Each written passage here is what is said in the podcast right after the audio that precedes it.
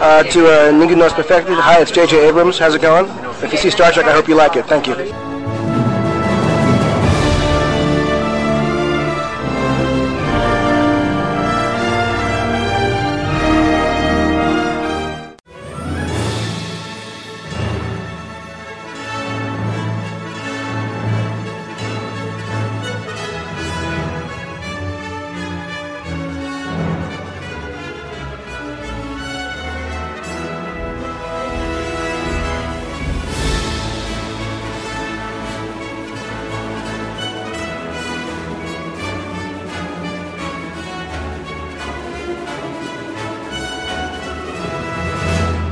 Benvinguts al Ningú no és perfecte. Avui, segon i últim especial monogràfic dedicat a Star Trek Picard. Amb aquest tanquem dos programes dels quals ens en sentim particularment orgullosos. Sabem que això no hauria estat possible sense la genial idea de fer tornar el Capità Picard i que la sèrie hagi estat extremadament cuidada. Ja vam dir la setmana passada que el fet de dividir aquest programa en dues parts ens ha servit per millorar-ne els continguts i el format. En aquesta segona part tindrem unes quantes coses. Primer, desgranarem amb spoilers tots i cadascun dels grans moments de la sèrie, així que si no l'heu vist, us recomanem que ens escolteu quan l'hagueu vista a Amazon Prime. Hem dividit el contingut en els quatre arcs de la sèrie, amb un apèndix que seria la parada a Nepente. En aquesta anàlisi hem volgut introduir, per donar més cos a l'especial, alguns fragments dels capítols. No hem volgut fer-los molt llargs. La mitjana de durada és mm, d'un minut per tall. També hem volgut oferir-vos aquests fragments en versió original, no en versió doblada, perquè considerem que és com millor es gaudeix la sèrie. Sabem que Camilo García és un gran doblador, però la veu de Patrick Stewart és única i insubstituïble, i no és el mateix en un àudio escoltar Stewart i Bran Spiner que els seus dobladors. Hem volgut complementar el programa també amb una recomanació que hem deixat pel final. Amb en Pau, en Sergi i la Marta, mentre fèiem aquest especial, va sorgir la idea de fer una mena de guia de capítols a què Star Trek Picard hi fa referència directa o indirectament i que us podem donar a conèixer si no heu seguit tota la saga i voleu veure o saber de primera mà en quins capítols o pel·lícules trobar-los, per tal de no perdre-us res. En aquest viatge, a través de La Sirena, ens acompanyarà el nostre oficial científic, en Pau Garriga, la nostra oficial de comunicacions, la Marta Sanz, i el nostre holograma per a tot, en Sergi Toboso. Capitanejant aquesta nau, amb cigar a la boca, qui us parla? L'Ignasi Herbat. I ara sí, recordar-vos el nostre canal de podcast, ens podeu trobar a iVox, Apple Podcast o Spotify, simplement ens heu de buscar com a Ningú no és perfecte. També podeu fer-ho a través de la nostra pàgina web, ningunoesperfecte.cat, Tenim un correu electrònic perquè si voleu i us ve de gust escriure'ns alguna cosa ho feu a ningunoes arroba outlook.com i a les xarxes socials ens podreu trobar a facebook.com barra ningú no és perfecte, twitter.com barra ningú no és o instagram.com barra ningú no és perfecte guió baix podcast. Esperem que aquests programes us hagin fet més lleu al confinament. Tots a bord? Engage.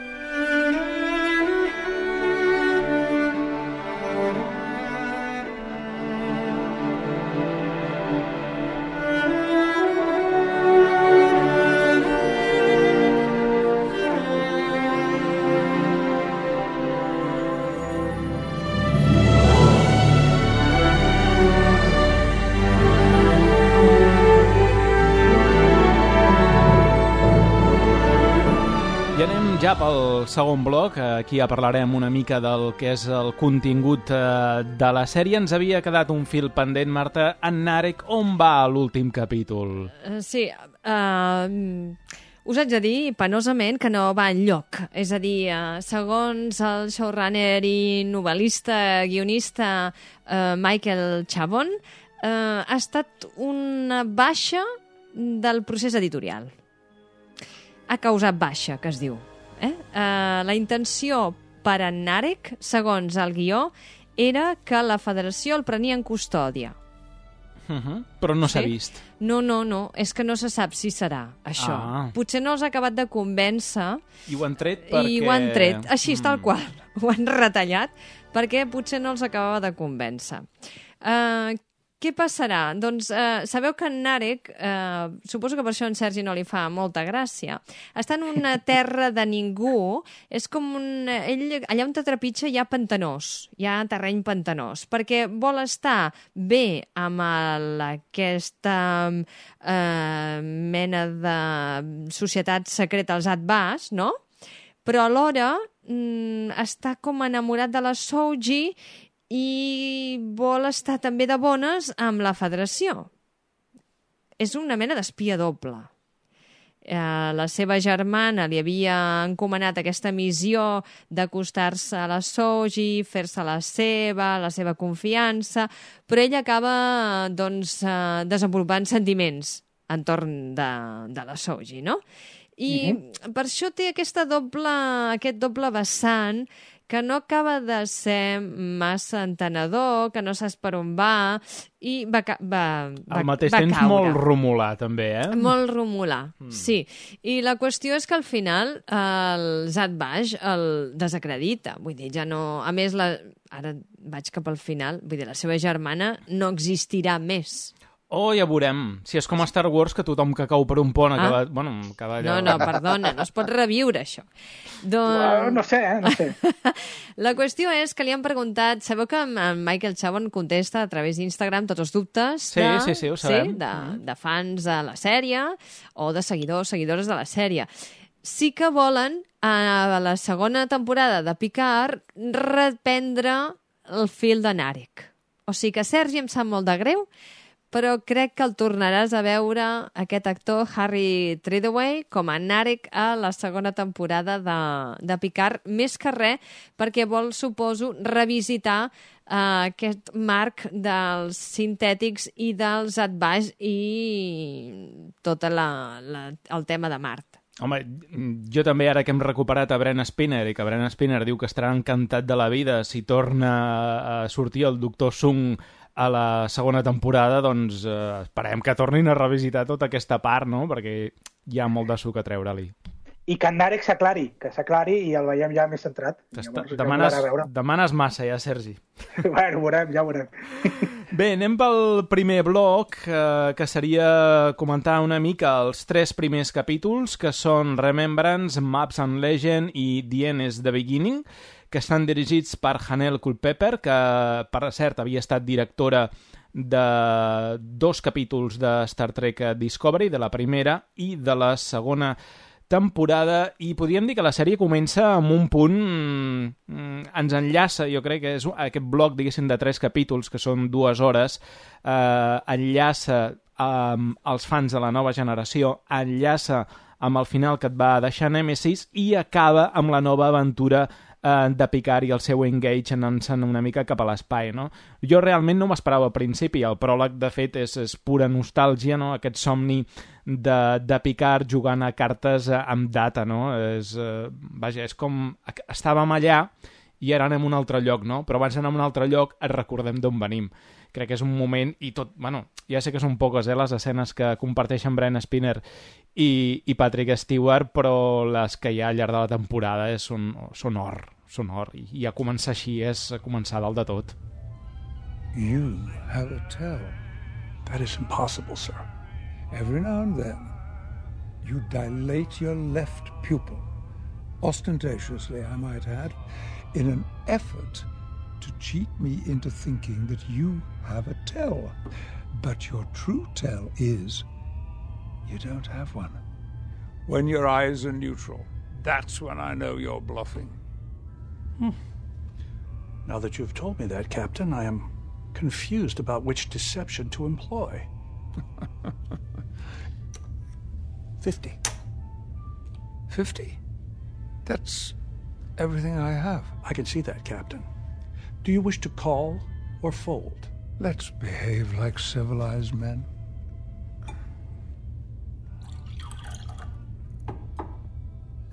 Milk? No, thank you, sir. Sugar? No, thank you, sir. Why are you stalling, Captain? I don't want the game to end. Sí, és, és el que dèiem també abans, vull dir, té aquests ganxos recordant d'on venim, eh, introduint-los de forma sublim, perquè si no ho has vist, no et perdis, i si ho has vist, et caigui la llàgrimeta, directament. Però, Pau, eh, ara que anaves a parlar, la manera de rodar el primer capítol a mi m'ha semblat eh, molt bona. Vull dir, molt... No? Sí, no, jo que anava a dir, perdó, és que el, uh, el primer, aquest primer bloc, per mi és... Uh, sí, és una mica abrumador, el vaig trobar. M'explico. Sí, com a... Si ja passen moltes coses que jo no sabia si és que no les sabia com a no seguidor molt fidel de, de Star Trek o si perquè realment tot era nou.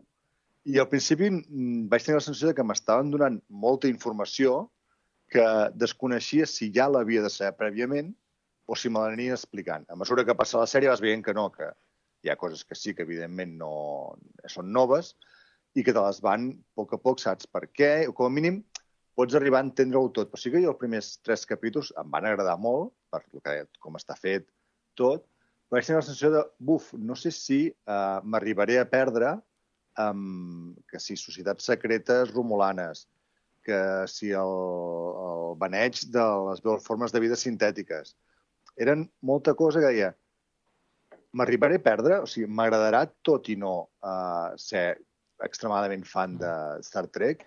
I la resposta és sí. O sigui, els tres primers capítols, per mi almenys, poden costar una mica, però si un cop hi entres, eh, la resta es desenvolupa sola i va molt, molt bé. És que la tasca dels tres primers capítols no és fàcil, perquè és, primer, omplir el buit d'aquests 20 anys de, de Picard que no és fàcil, si el vam deixar el 1379 amb Nemesis, estem en el, 19, en el 2399, per tant són 20 anys que aquí sí que és cert que fan servir recursos que són bons, eh, com per exemple el de l'entrevista, que allà serveix per explicar-te moltes coses, hi ha seqüències de flashback que veiem en el segon i en el tercer capítol, tot això t'ajuda a omplir aquests eh, 20 anys eh, de la vida de Picard, a més d'altra informació eh, que van deixant anar en determinats moments. No? Aquest era un dels objectius d'aquests tres primers, que era omplir això.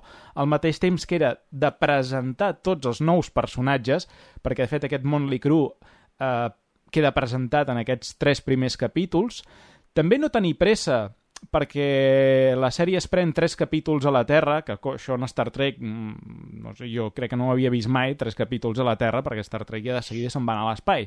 Per tant, aquí, mmm, bueno, no, no tenien pressa i volien mostrar una mica com era aquesta vida a la Terra. Ja t'he dit, presentar els personatges, a vegades en pinzellades, perquè sí que és cert que Rios i Rafi, sobretot, apareixen en el capítol 3 i en els dos primers doncs, gairebé no els tenim, i una mica posar també eh, l'esquema, la situació de com està, al mateix temps que t'està presentant un munt de coses. Tot això que dius, Pau, també era nou per nosaltres. Sí que teníem el referent, però eh, sabíem que era el Tal Shiar, no? que era la societat secreta dels Romulans, però els baix no en teníem ni idea. Qui eren aquests que estaven perseguint els sintètics tampoc en teníem ni idea, no?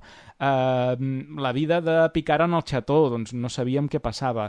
Qui eren, uh, quins són els, les dues persones que, que l'estan acompanyant en el xató? Tot això que se'ns està explicant i la missió, que a més a més està relacionada, en aquest cas sí, amb data, no? Perquè l'objectiu és Picard se sent culpable per moltes coses, però el que més li pesa és portar a les seves espatlles el sacrifici de Data. És a dir, Data es va sacrificar perquè jo pogués viure. És un sacrifici que no he pogut superar mai a la vida. Aleshores, aleshores un dia pica la porta un androide que resulta que és la seva filla, que a més a més eh, se'm torna a morir davant meu i que acabo de descobrir que té una germana, um, que descobreixo que està feta a partir dels engrames de memòria de data. Per tant, alguna cosa del meu amic està allà. Uh, necessito mm, trobar-la per fer les paus amb mi mateix. Tot això sí que agafa tant conceptes nous com antics, com... no sé, i trobo que el guió ho sap treballar eh, molt bé. Per això també t'he dit abans que també la segona vegada que veus aquests capítols jo els he disfrutat més que no pas la primera.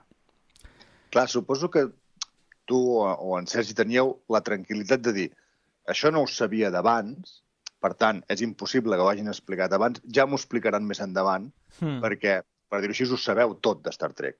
Per tant, si allò no ho sabeu és perquè realment no s'ha explicat abans. Jo tenia aquesta por de dir, això ho hauria de saber, o sigui, m'haurien d'haver...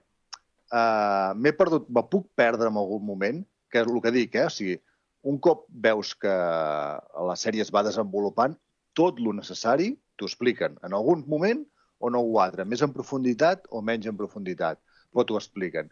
Però sí que al principi, en aquest primer bloc de presentació, tens la sensació aquesta de, de dir i si me perdo?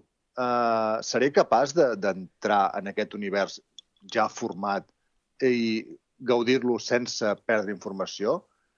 La diferència, Pau, és són les coses que sí que hauries de saber d'abans, mm. de, les que partim, això de l'estrella romulana, que va morir en data, Nemesis, etc, que en Picard és el mirall retirat, per què s'ha retirat, i, i que té un bagatge de, de ser un dels millors oficials que ha tingut la flota estel·lar, i això s'explica, com deia, com deia en l'Ignasi, amb, amb el somni, amb l'entrevista que li fan, mm. amb les converses que té amb els dos eh, col·legues romulans que té a casa seva, eh, que està explicat en el còmic perquè estan, i, i, i el tema d'aquest magatzem espacial on ja veiem que té un bagatge inter, interessant.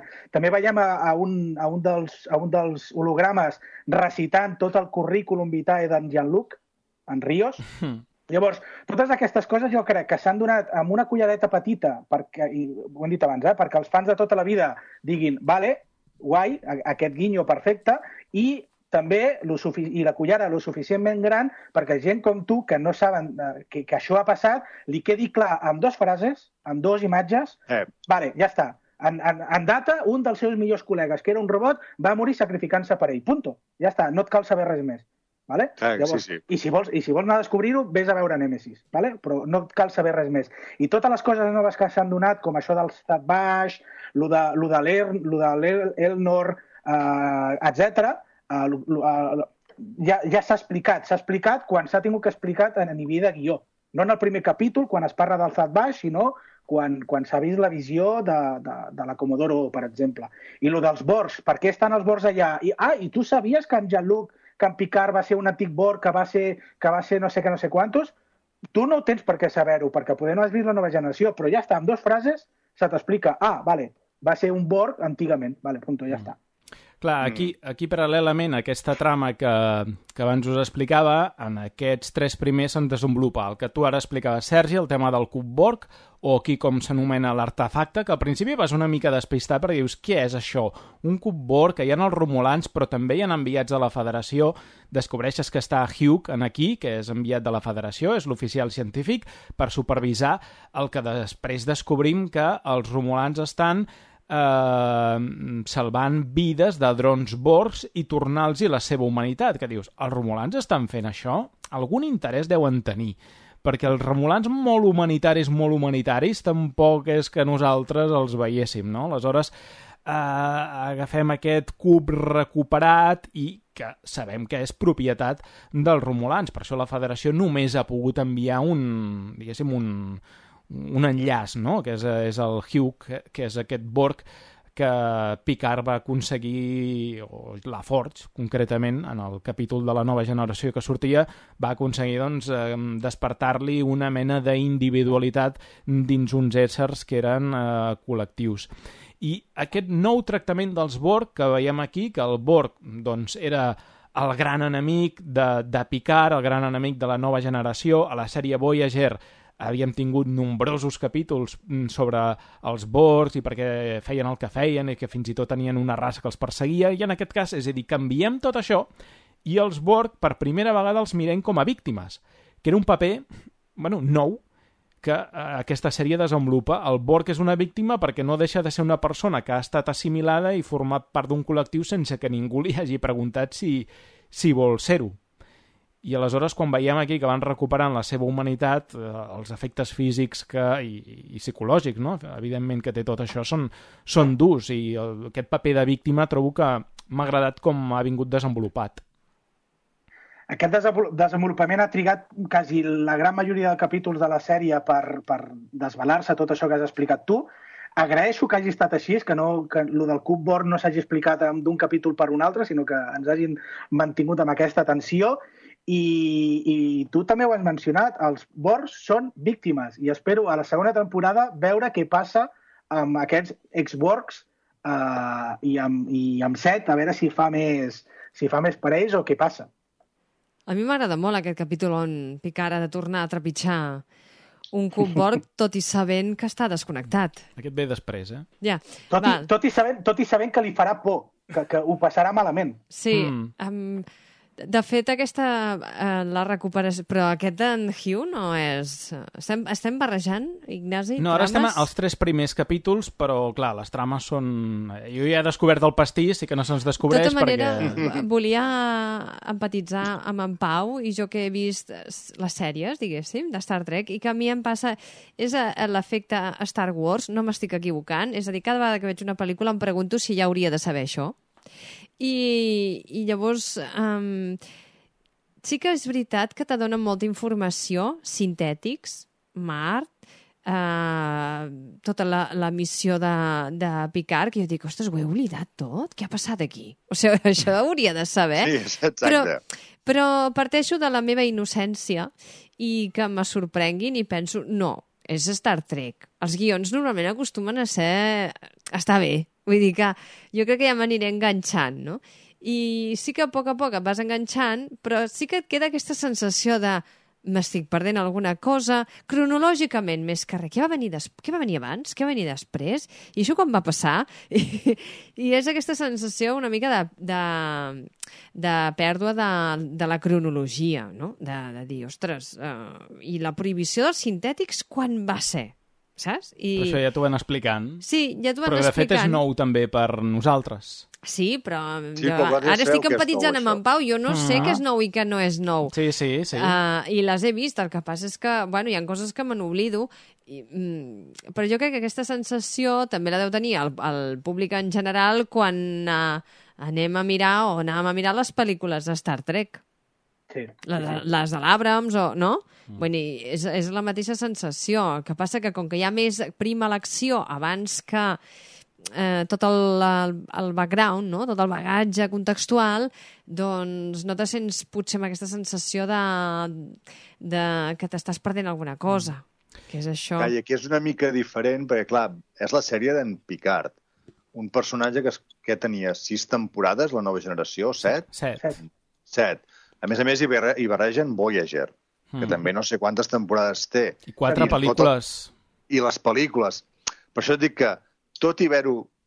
Jo crec que ho he vist tot, no Voyager no, perdó, Voyager no l'he vistes. Coneixia quatre coses, però sí que tinc la sensació de m'he oblidat d'això, o hauria de saber-ho, eh, i te crea aquesta mini inquietud, que ja dic, es resol molt bé, mm. i, i fins i tot gent que no hagi vist res i no sàpiga qui era en Picard, ni sàpiga res de Star Trek, crec que pot entrar a la sèrie i veure-la bé. Però els primers capítols, eh, conscient de que estàs tractant un personatge mític que té molta història darrere, mm, hi ha aquest pas de dir això ho sabré, no? Bé, és igual. Mm, vaig fent. I realment eh, te, te, T'abrumo sí, una mica al principi. Sí, sí. Uh, dos melons més cobriré abans de tancar aquest primer bloc. Primer és la situació de Picard, és a dir, Picard al xató, retirat, esperant la mort, que diu a vegades.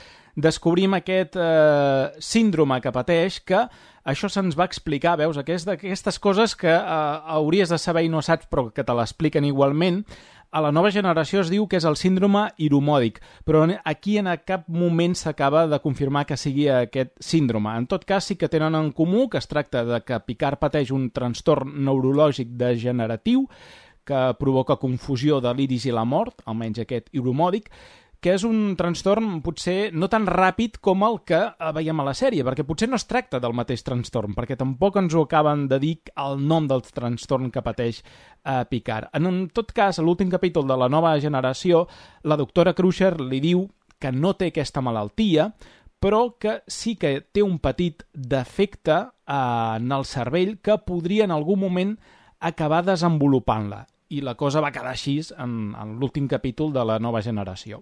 I en aquest cas no és la doctora Crusher, però és el metge de l'Stargazer, que apareix per primera vegada en aquí, que és una nau en què havia servit anteriorment al Picard, que l'interpreta l'actor David Paymer, que l'hem vist en 50.000 sèries i pel·lícules, és d'aquests secundaris que haureu identificat a tot arreu, que dius, aquest senyor li quedava sortir Star Trek. Doncs mira, doncs ja... Ja, ja ho ha fet. Sí, ja ho té aquí, no? I els eh, dos eh, parella de refugiats romulans que cuiden el xató, Zavana i Laris, que m'ha agradat molt, sobretot l'Aris, no? en aquest cas, que a més a més descobrim doncs, la diferència romulans del nord del sud, no? uns tenen la, el front una, amb una protuberància, els altres s'assemblen més als vulcanians, per, per exemple, no? i es poden fer passar per vulcanians, ja parlarem d'això. I cuina ell. I sí, ell cuina i ella li dona els consells i, i l'ajuda de... Sí, sí. No, no, perquè aquí el gènere, vosaltres potser no us heu donat, o potser sí, però sí, està, sí, està molt ben construïts els personatges femenins i els masculins, vull dir, però els femenins m'hi he fixat i estan molt ben construïts perquè no hi hagi res que característicament, eh, culturalment, dins d'un masclisme esbiaixat, tu diguis que aquest personatge femení té aquestes eh, biaixos de, de gènere, no? Estan molt ben construïts. M'ha agradat, això. A mi m'han agradat aquest, aquest parell, l'he trobat a faltar després. Sí. No sé si tornaran a sortir, perquè no sé si en Picard tornarà a la casa seva, a les vinyes, però bé. Espero que els aprofitin, eh? perquè van quedar ja una mica desaprofitats. Sí. sí eren... I a més ella sabia força.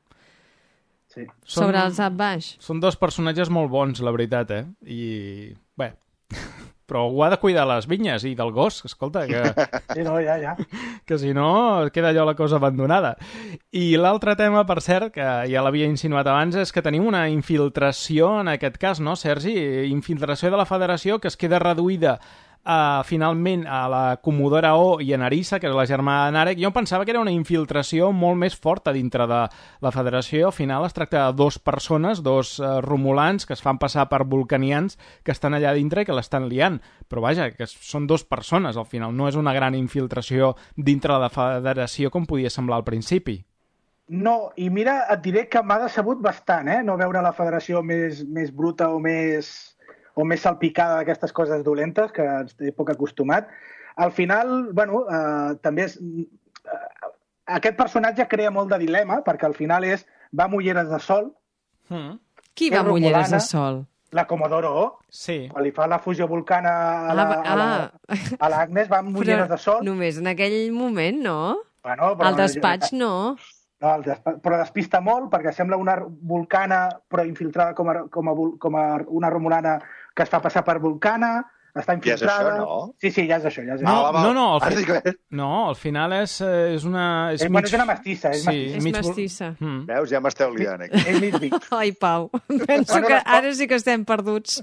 L'estoc també és mestís, és mig humà i mig... I mig... Sí, però a mi hi ha un vestís volcà romulà, ja no sé distingir-los jo. jo tampoc. Nosaltres tampoc. Per, per això, ha, per això ha pogut enganyar, no, Sergi? A, per, per, a fet, els... Això podia ser una mala persona, vull dir, ser de la CIA o del KGB, en aquest cas, i fer fusions mentals vulcanes. Que bueno, no això és com l'Espoc, és mestís, no? Sí, sí, I ell sí. va triar les seves passes, diguéssim, més o menys. I, sí, i la Rafi, la Rafi ens ho explica molt bé, ens ho explica molt, molt de forma molt breu en un capítol, vale, de que bueno, fa molt de temps es va infiltrar aquesta dona escalant posicions per el dia de demà, que és precisament el que passa a la sèrie, pues, donar-se a conèixer i, i, i fer malifetes des de dintre. Però, insisteixo, a mi em, em molava eh, la idea d'una federació bruta, d'una flota estel·lar corrupta, no sé què, i al final és una única persona. Dius, m'acatxis. Mm. I, de fet, l'altra trama que es desenvolupa aquí en paral·lel és com eh, Narek eh, intenta treure-li informació a Soji d'on es troben els uh, sintètics, no? que és la informació aquesta que volen estar buscant per destruir-los i evitar així eh, l'apocalipsis, no? que destruiran tota la vida orgànica aquests sintètics, doncs trobar la llar on s'amaguen i és el que intenta esbrinar Narek, diguéssim, per la via més eh, pacífica, ja que per la via directa no els ha sortit bé, dic, home, si ara deu pensar, si ens carreguem aquesta, doncs ja no tindrem cap altre sintètic a qui treure-li la informació. Sí, bueno, pots dir-ho així, o poder s'ha enamorat de veritat, no sé, vull dir... Jo crec que s'enamora, eh? No sé quina versió teniu vosaltres, però jo crec que s'enamora una mica a pesar seu i que a vegades no té clares les coses, aquest Narek, perquè està enamorat, però a la vegada vol, doncs... Eh, eh... En Narek vol eh, demostrar alguna cosa a qui sigui. És un d'aquests personatges que en la seva en, com a persona també existiria que té moltes febleses i una autoestima força baixa perquè es deixa magrejar per la seva germana literal i metafòricament i um, la seva germana li dona mil voltes um, estratègicament uh, amb seguretat, amb malícia i amb, i amb, bé, amb altres coses, no? Mm. I, um, el que passa que és cert que sí que se sent atret per la, per la Soji, perquè jo crec que és com allò que és com l'ésser innocent, és com un retrobament en el seu cantó potser més bo, o que ell creu que, bé, que li desperta aquesta bondat, no? És, però, ostres, eh, a mi em passa com en en Sergi, que al principi sí que em despertava cert interès aquest personatge, en Narek, però després, um, bé, es dilueix bastant. Jo, que també està bé perquè Soji agafa més protagonisme, però no ho sé. És, uh, I a més té aquesta relació... Vosaltres dieu que no sabeu res dels Romulans i que voleu saber més coses, però a les pinzellades que ens, ha donat, ens han donat en aquesta sèrie Picard no, són, no diuen massa gens a favor dels Romulans.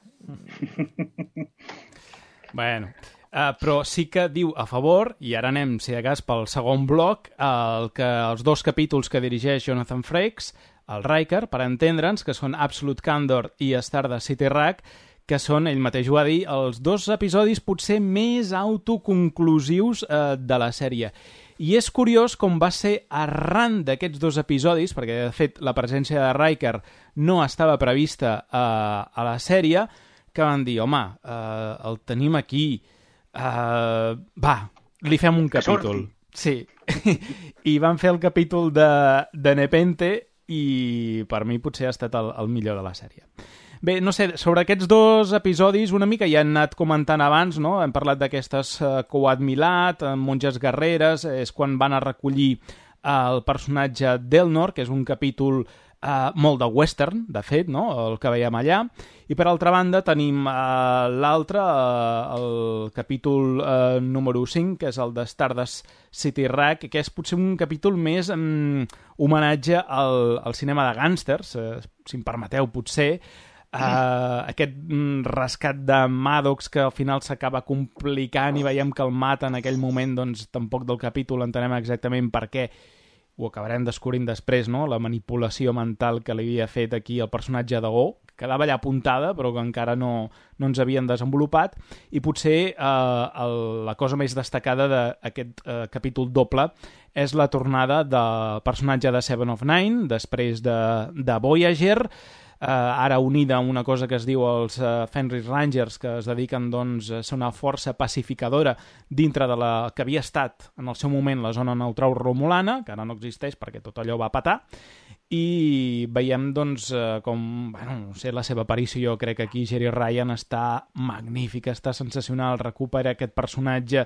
que la veritat també recupera molts anys després i molt diferent, però que jo trobo que l'actriu ha madurat, ha madurat molt bé i, i m'ha encantat com, com ho fa i com el tracta aquest personatge. No sé què teniu a dir d'aquests dos uh, capítols. Jo no sé si l'actriu ha madurat o ha, o ha ajudat a madurar el personatge de Seven of Nine. Jo crec que ella espero i, i desitjo pensar que ha tingut algú a veure en les línies de, de la seva trama. No, doncs ja t'he dit que no, perquè no? ella quan li va passar el, el guió precisament eh, es va trobar que el personatge era molt diferent del que ell havia interpretat a Voyager i que li va costar una mica entrar eh, a aquesta nova Seven, no? que, que li havien passat moltes coses i que era molt diferent. I diu que al principi li va, trobar, li va costar una mica trobar-se amb el personatge. No ho sé, sí? Va dir Sí. això? No és que li tenia una mica més de respecte perquè era algú molt diferent i que... No, no, no. no. Bé, no sé, a mi m'ha agradat molt, eh? El, aquest tom i, i aquest eh, també reconèixer i assumir que és un ex-Borg. O sigui, perquè al final és això i que és una, és una cowboy de l'espai. M'agrada molt, això. No sé. After they brought you back from your time in the collective, do you honestly feel that you regained your humanity? Yes. All of it? No. But we're both working on it. Aren't we? Every damn day of my life.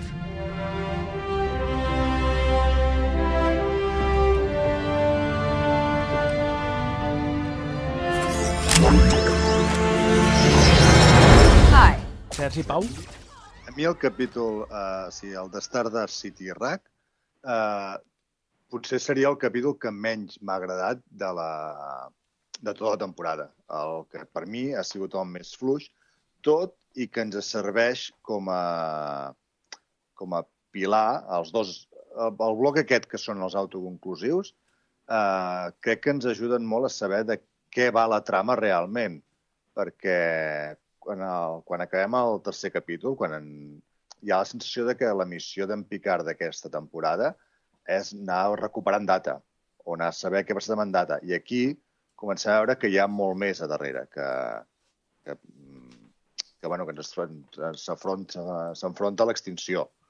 Uh, però, no sé, a mi el de Stardust City, allò de disfressar-se, fer-se passar per al, suba, fer una subhasta... Ah, jo m'ho vaig, aquest- vaig passar bomba. Moment pirata. em va cansar molt aquest, em sap greu. I no... Té punts bons en el, el que explica el capítol, però aquesta, aquest jugar així a mi em va cansar. Sergi, Um, són dos capítols que...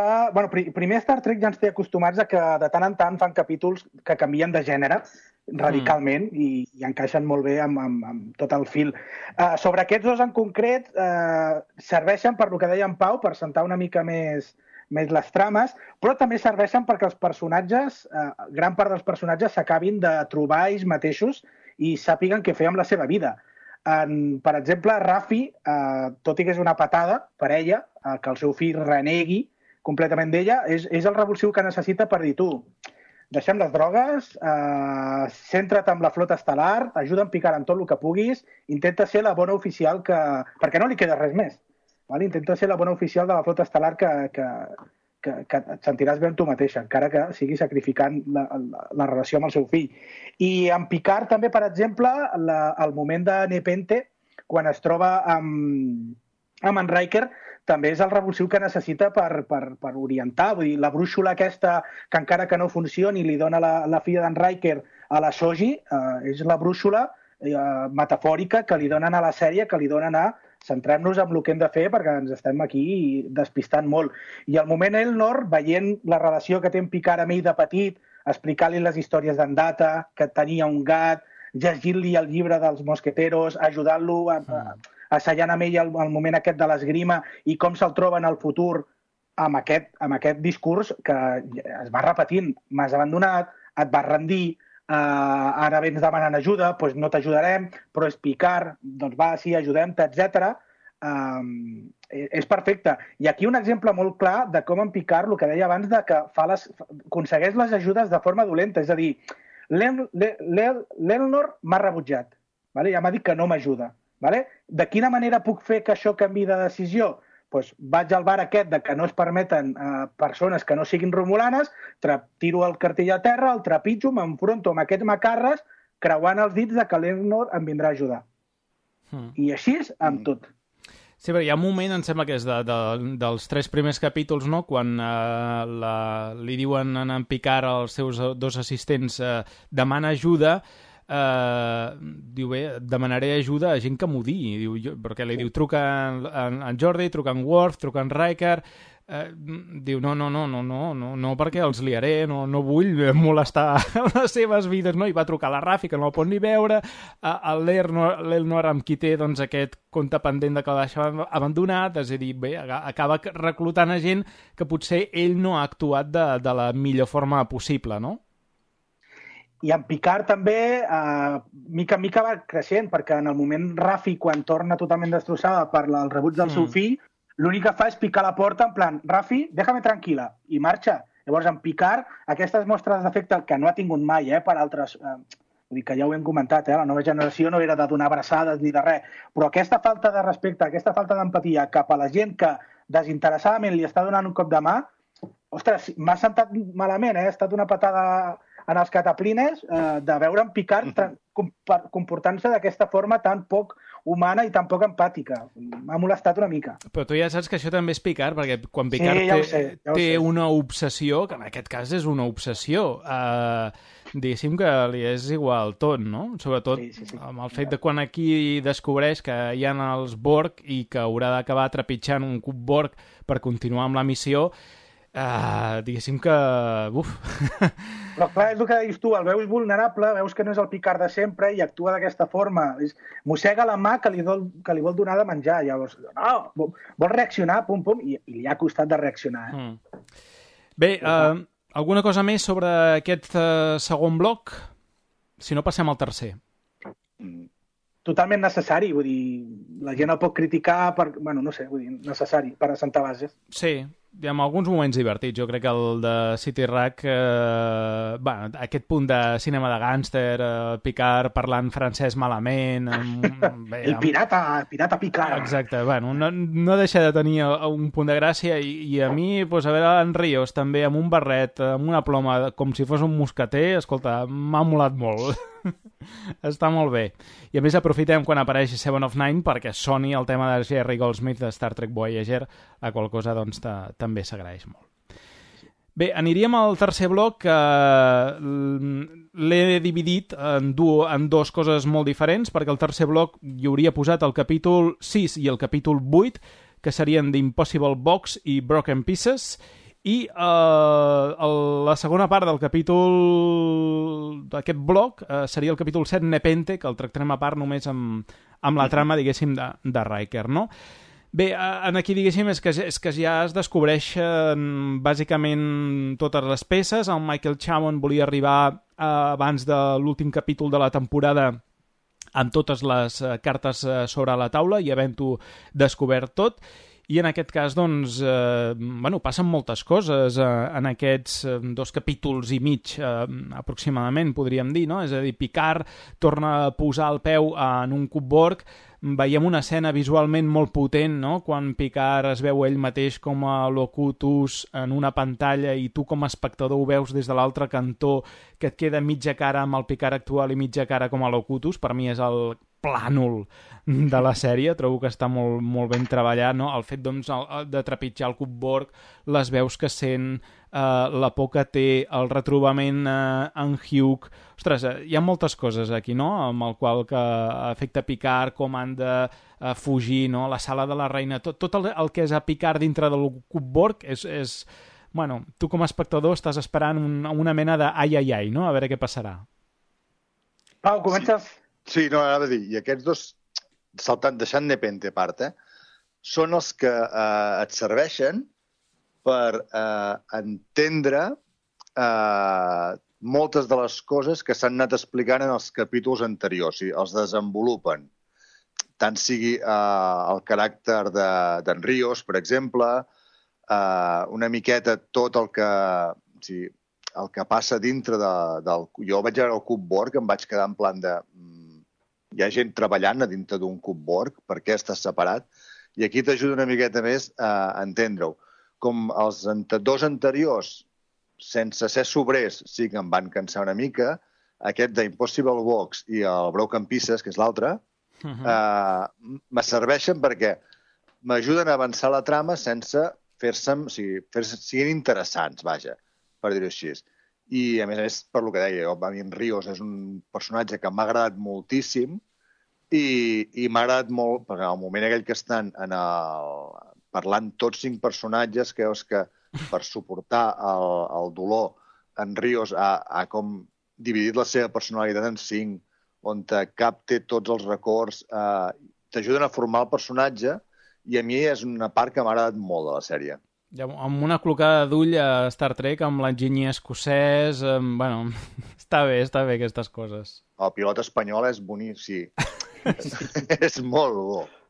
Sí, sí, és molt bo. La veritat és que tots els hologrames, la conversa aquella, l'escena aquesta que mencionaves, eh. la conversa amb els hologrames és, és boníssima difícil de rodar també, eh? però, però està molt bé. A més, Rafi aquí, veiem la Rafi sent Rafi, no? És a dir, una tia forta, intel·ligent, com intenta, eh. doncs... Ostres. Bueno, la, la Rafi és que té aquest objectiu de treure l'entrellat de tot. Hmm. I és la seva missió i ella eh, sí que veus així pinzellades que indaga no? en els arxius de la nau i que es connecta eh, d'altres arxius eh, perquè hi accedeix, també és una hacker això no ho hem dit, però també pot uh, hackejar, uh, entrar en els, els arxius de la flota, en altres arxius, etc. I, i m'agrada molt. És com la, la mestra que ha castigat a cinc nens i està allà intentant en, què ha fet cadascú. O sigui, uh, intentant no, treure tota l'aigua clara de què ha passat. I, aquella estona és, està molt bé, està, està molt ben conduïda. I jo crec que tenen molta química personal, no? També l'actriu la, la, i de, mm. de Rafi i, i, i el d'en Cris, no? I, mm -hmm. Sergi, i, i tu el que es desenvolupa al Cub Borg en aquests dos capítols i mig, com, com ho has vist? És a dir, el fet de, de, del final de la trama, eh, del Cub Borg, és a dir, com els Borg doncs, no acaben assimilant, sinó els acaben expulsant, el Hugh Moore, la Seven of Nine, desenvolupant doncs, una, relació reprenent, si vols tu, una relació mare-fill amb, amb el personatge d'Elnor, no? que era bueno, dos personatges que no pensaven que es trobarien i que funcionen molt bé. Mira, aquests dos capítols, eh, si no són els millors de la sèrie, eh, poc els hi falta. I són capítols que només el seu títol ja és un macro spoiler de lo que passa dintre. Uh, no només veiem una capsa, una capsa impossible en, en aquest capítol, que podria, podria ser el cub, el cub aquest mena de Rubik que té, que té, en, que té en Narek, sinó moltíssimes coses, vale? uh, incloent en Picard com a Locutus, que també té allò tancat a dintre de la seva ment. I el de peces trencades, això, hem d'unir totes les peces per fer camí cap al final de, cap al final de temporada. Vale? Uh, aquest, aquest rio segmentat en peces trencades que s'han que s'han d'ajuntar per treure l'entrellat. I el que deies tu, aquesta Seven of Nine uh, sense voler, però obligada a convertir-se en el que més odia, que poder és ser una reina Borg, uh, moment sublim. Mm. El que hmm. passa és que tots esperàvem que tots els Borgs es vengessin d'aquests romulans que l'han estat allà maltractant i mm, ens quedem amb les ganes mm, i no serà l'única. No, no és aquesta manera de això ja ho heu vist, no fa falta que us ho tornem a mostrar i us mostrarem doncs, encara més el paper de víctimes, no? perquè aquí és el sí. personatge aquest de Narissa, la germà Narek, que els acaba llançant a l'espai i acaben morint eh, de falta de respiració, que és, és, és un moment duríssim també, no? Eh, I com Seven of Nine, el fet de ser reina, aquell moment, doncs, com que rep tot el dolor d'aquests personatges, vull dir, és, és un moment fort també. El no que crida ella, em penso que l'hem cridat tots en el sofà de casa. És que és curiós perquè arribes a empatitzar amb els Borg, mm. perquè veus que els estan convertint en, en ex-Borg, els estan salvant i tornant-los una mica la seva individualitat, i passen de ser la raça més temuda de l'univers de Star Trek a, a el que diu ella en Sergi, a saber-te greu quan els expulsen a l'espai.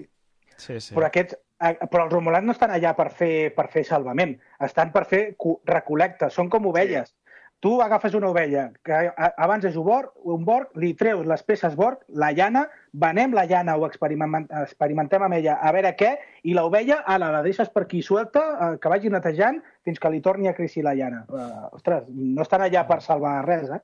No, no, però veus que hi pot haver-hi aquest pas de, de que en algun moment o altre tota aquesta colònia borg que està apartada del col·lectiu pugui arribar a ser un exborg. Mm. I, i, i, i amb, la, amb la, el que fa la Narissa d'Espolsalza es talla aquesta, Sí, sí. aquesta Parlem- línia. I, i Parlem l'oportunitat. Eh, Uh, en aquest capítol, sí, bueno, en aquests capítols, un altre dels temes és que si abans havien descobert el trauma de Rafi, aquí aprofundim en el trauma de Ríos, no? El fet, doncs, com va morir el seu capità, suïcidant-se, veiem aquella part molt melancòlica, no?, amb el seu a- aguardiente, i, i veient doncs, el seu uniforme de la flota, el seu pin de la flota, que encara ho guarda, el té el calaix, eh, els habanos estan allà, vull dir, eh, tot aquell trauma que li va suposar que el seu capità, que era una persona molt estimada per ell, era un mentor, eh, s'acabés volant al cap davant seu per també una ordre, en aquest cas donada per Romolans, també perquè s'havia trobat una parella de sintètics que, que havia... Bueno, se li havia encomanat que matés. like he was supposed to do. So it will not be for nothing. So they wouldn't blow up the Ibn Majid and everyone on it. I beamed the bodies into space, deleted it from the transporter log. Let the whole fleet know that Alonzo Vandermeer had killed himself for no fucking reason at all.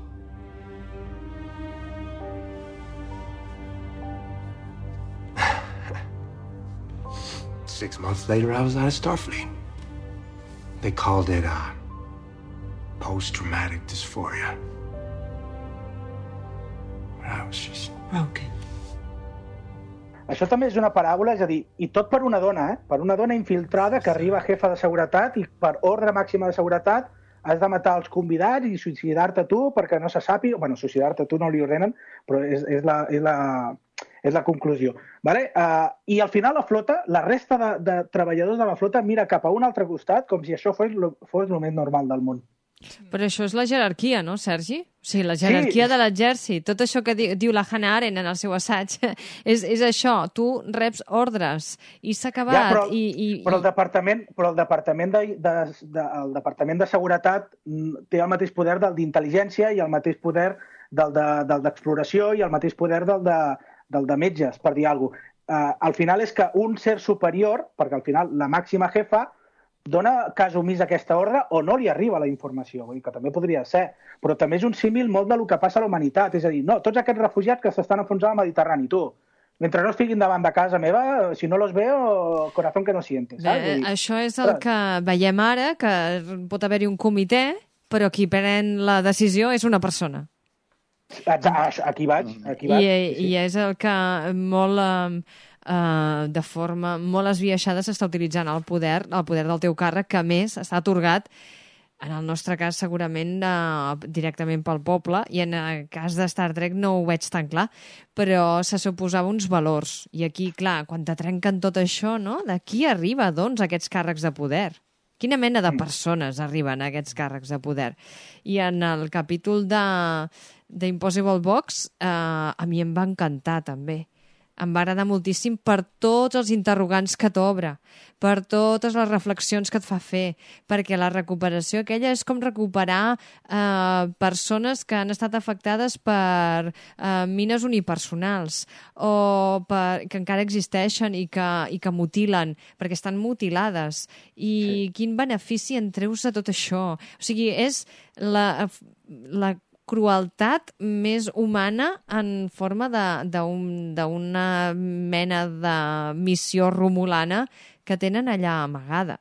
I el personatge de Hugh m'encanta, com a, no, va fent tota aquesta visita al, al cub, um, recuperant vella, antigues sensacions i converses amb, amb en Picard i alhora presentant-te un escenari nou i, ostres, és, és magnífic perquè va fent aquest trajecte per totes les estances, perquè recordeu que també va a l'habitació de la Soji, que se la troba remenada, i potser el que, el que trobo més fora de lloc, però potser a vosaltres us ha agradat, és com en Narek acaba tancant-la en aquella habitació i traient-li...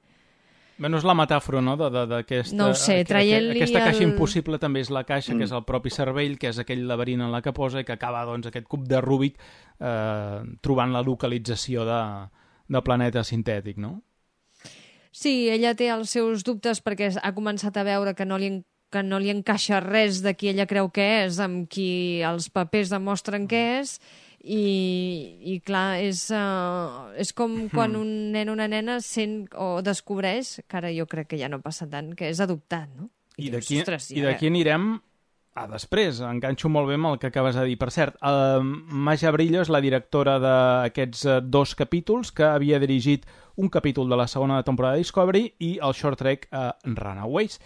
I d'aquí, amb això que comentaves, Marta, és on fem el fil aquest, que anem a Nepente, que és aquesta petita parada eh, en el camí que agafa Picard, eh, que ha de fugir del cupboard, i bé, com podem fugir? Doncs anem a Nepente.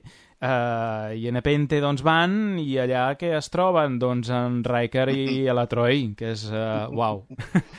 per mi el millor capítol de la sèrie, a mi és el que m'ha agradat més, eh? com, de, com desenvolupa la relació, la química que tenen entre ells.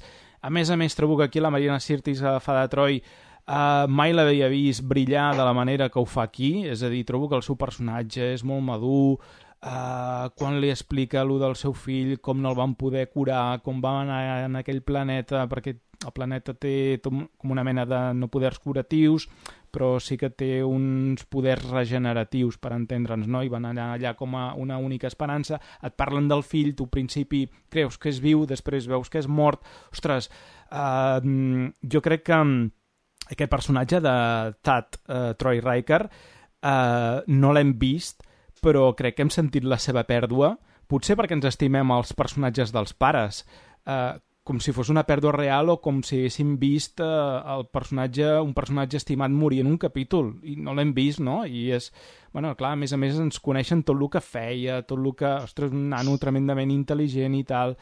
Vull dir, és que, no sé, es, es va fer bonic i dur al mateix temps el capítol, eh? Sí, sí, sí. Un capítol que Picard necessitava aquesta conversa amb la consellera Troy, també per, per arriar, per pujar i continuar. I sobre lo del nen, eh, també és un altre exemple també de lo que passa, de que les coses semblen que no tinguin conseqüències. És a dir, no, sí, la federació va prohibir això- els sintètics, punt.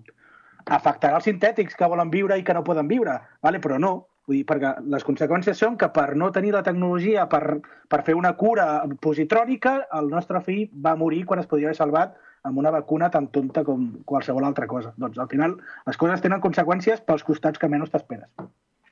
Però això és el dilema bioètic de sempre. Bueno, De sempre. De sempre, de- d'uns anys cap aquí, no, de quants, quants anys.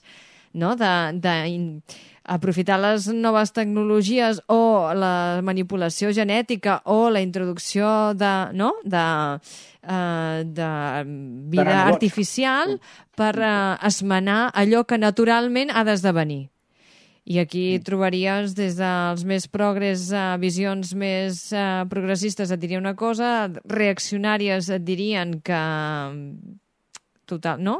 una altra totalment diferent i eh, jo crec que és aquí on es veu que la federació ha pres aquest camí més reaccionari, més conservador, eh, més... Eh, bé, eh, estàtic, no? Més poruc, més estàtic, més... Eh... A mi m'ha agradat molt també d'aquest capítol el personatge d'aquesta, no? que és aquesta filla que tenen a, a Riker a la és com Mowgli, però en ros. Hòstia, però és, és, És, és molt bo. Manca- la- L'actriu Lulu Wilson, jo no ho sabia, ho he descobert després, és una de les mainades que surt a La maldició de Hill House. Uh, crec que es fa de la, la nena gran. Uh, hosti, eh, trobo que està molt bé, és un personatge també perspicaç, intel·ligent, és, és el que tu imaginaries d'una filla del Riker i, i, i la consellera Troy, no? Doncs és, és allò.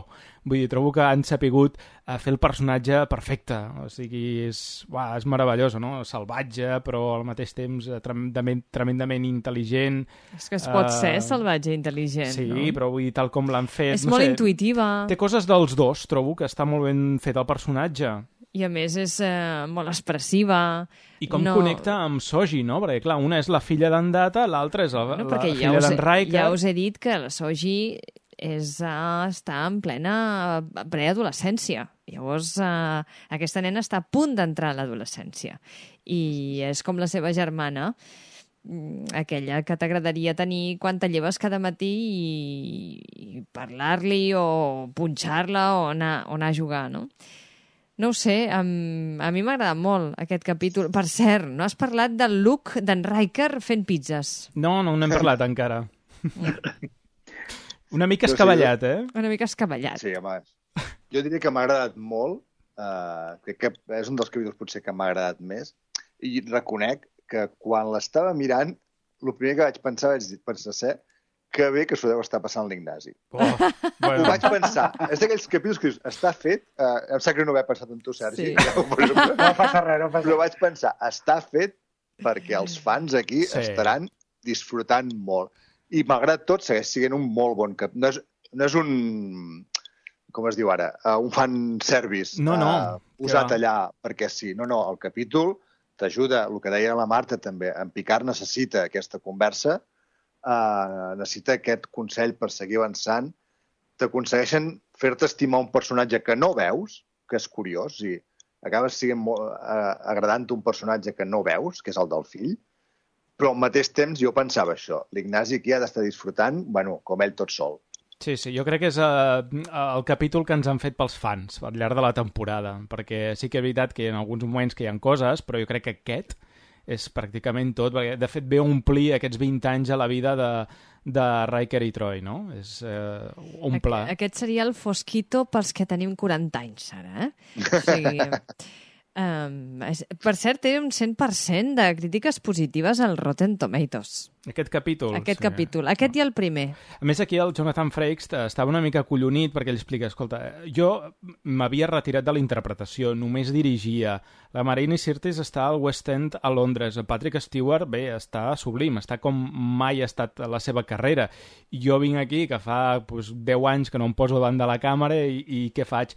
Però jo crec que ho treu molt bé, perquè el Riker que tu veus allà, vaja, és el Riker de tota la vida, no? Escuts amunt, no sé què, espies, romulans, a més sense, amb un gest de Picard és capaç de deduir eh, tot el que li passa. És el número 1, vull dir, és ell. I, i, i la manera de parlar, la manera de moure's, hòstia, és que és Riker. O sigui, mm, no hi ha més. O sigui, fa 20 anys que no l'interpretes, però és que és com si l'haguessis deixat ahir. Com un tanvi, si mai s'oblida. Sí, sí, no sé. I he dit aquí, no sé, a mi eh, aquest capítol... Eh... I la, la nena sí que ha heretat, no?, el, eh, el do, el talent de... De sa mare. De la seva mare. Perquè és molt intuïtiva, és molt perspicaç, com parla la Soji. Al principi, quan la coneix, ja li diu un parell de coses que, sense que la Soji hagi dit res, eh, li, li intueix. És una barreja dels dos. De fet, aquí Picard és incapaç o li costa molt connectar amb Soji i necessita eh, que la consellera l'aconselli, no?, una vegada més, encara que ja no sigui la seva consellera, per com ha de connectar amb Soji. I, Sí. i al final, seguint els seus consells, ho fa, no? Aconsegueixen connectar els dos personatges i fins i tot la pròpia Soji, que és molt reàcia també en obrir-se i aquí en aquest cas, doncs, diu, deixa obrir-te i veuràs la recompensa que tindràs, no? I és així.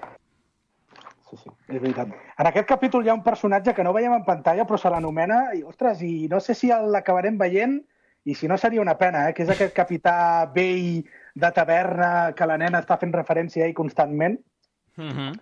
Estic buscant el nom, però no, no el trobo. Jo- Catran sí. o Capitán Catran o no sé què. Sí, és aquest que els hi dona finalment la localització al planeta dels sintètics, no? Que està la nena, Sí, sí, diguéssim, sí, sí. com amb el mòbil a taula i al final aconsegueix a través d'una conversa de WhatsApp amb aquest capità, no? és una Que- crac. Exacte. No, no, està molt bé, està molt bé. Bé, ho deia, un dels nostres capítols preferits. I bueno, sí, aquí Sergi es redimiria de la teva que has apuntat abans, no? la falta d'empatia del capità envers el patiment de, de la seva tripulació. Potser Sí, aquí però- sí que faria una mica de salt en això, Però no? necessita que els seus millors amics li diguin a la cara t'estàs equivocant, necessites ajuda, no vagis sol en aquesta vida. Vull dir, reflexiona, pensa, demana consell, escolta. Pasito a pasito, que li diu en, en, en, Riker, en Riker, pasito a pasito.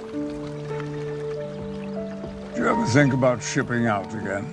Well, I am still on active reserve, but it would have to be a very good reason.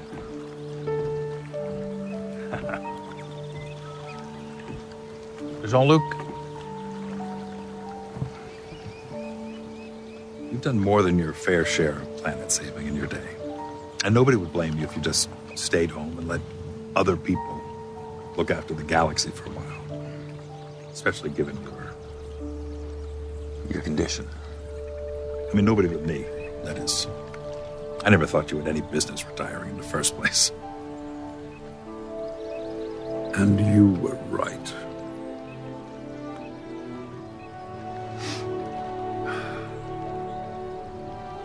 Beautiful. Thank you, Will. What for? Oh, for so many things. But today, for not trying to talk me out of all this. Believe me, I know better. That, my friend, is always a losing proposition.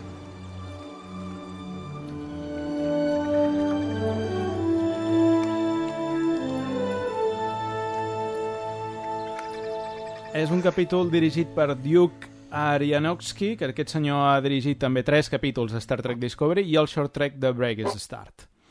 Uh, doncs això. Capítol superemotiu i, per mi, potser el millor de la sèrie, eh? amb aquell plànol final de la família Riker també abraçada davant de la cabana, amb el Picard marxant. Bueno, és allò que dius... Ai. Sí.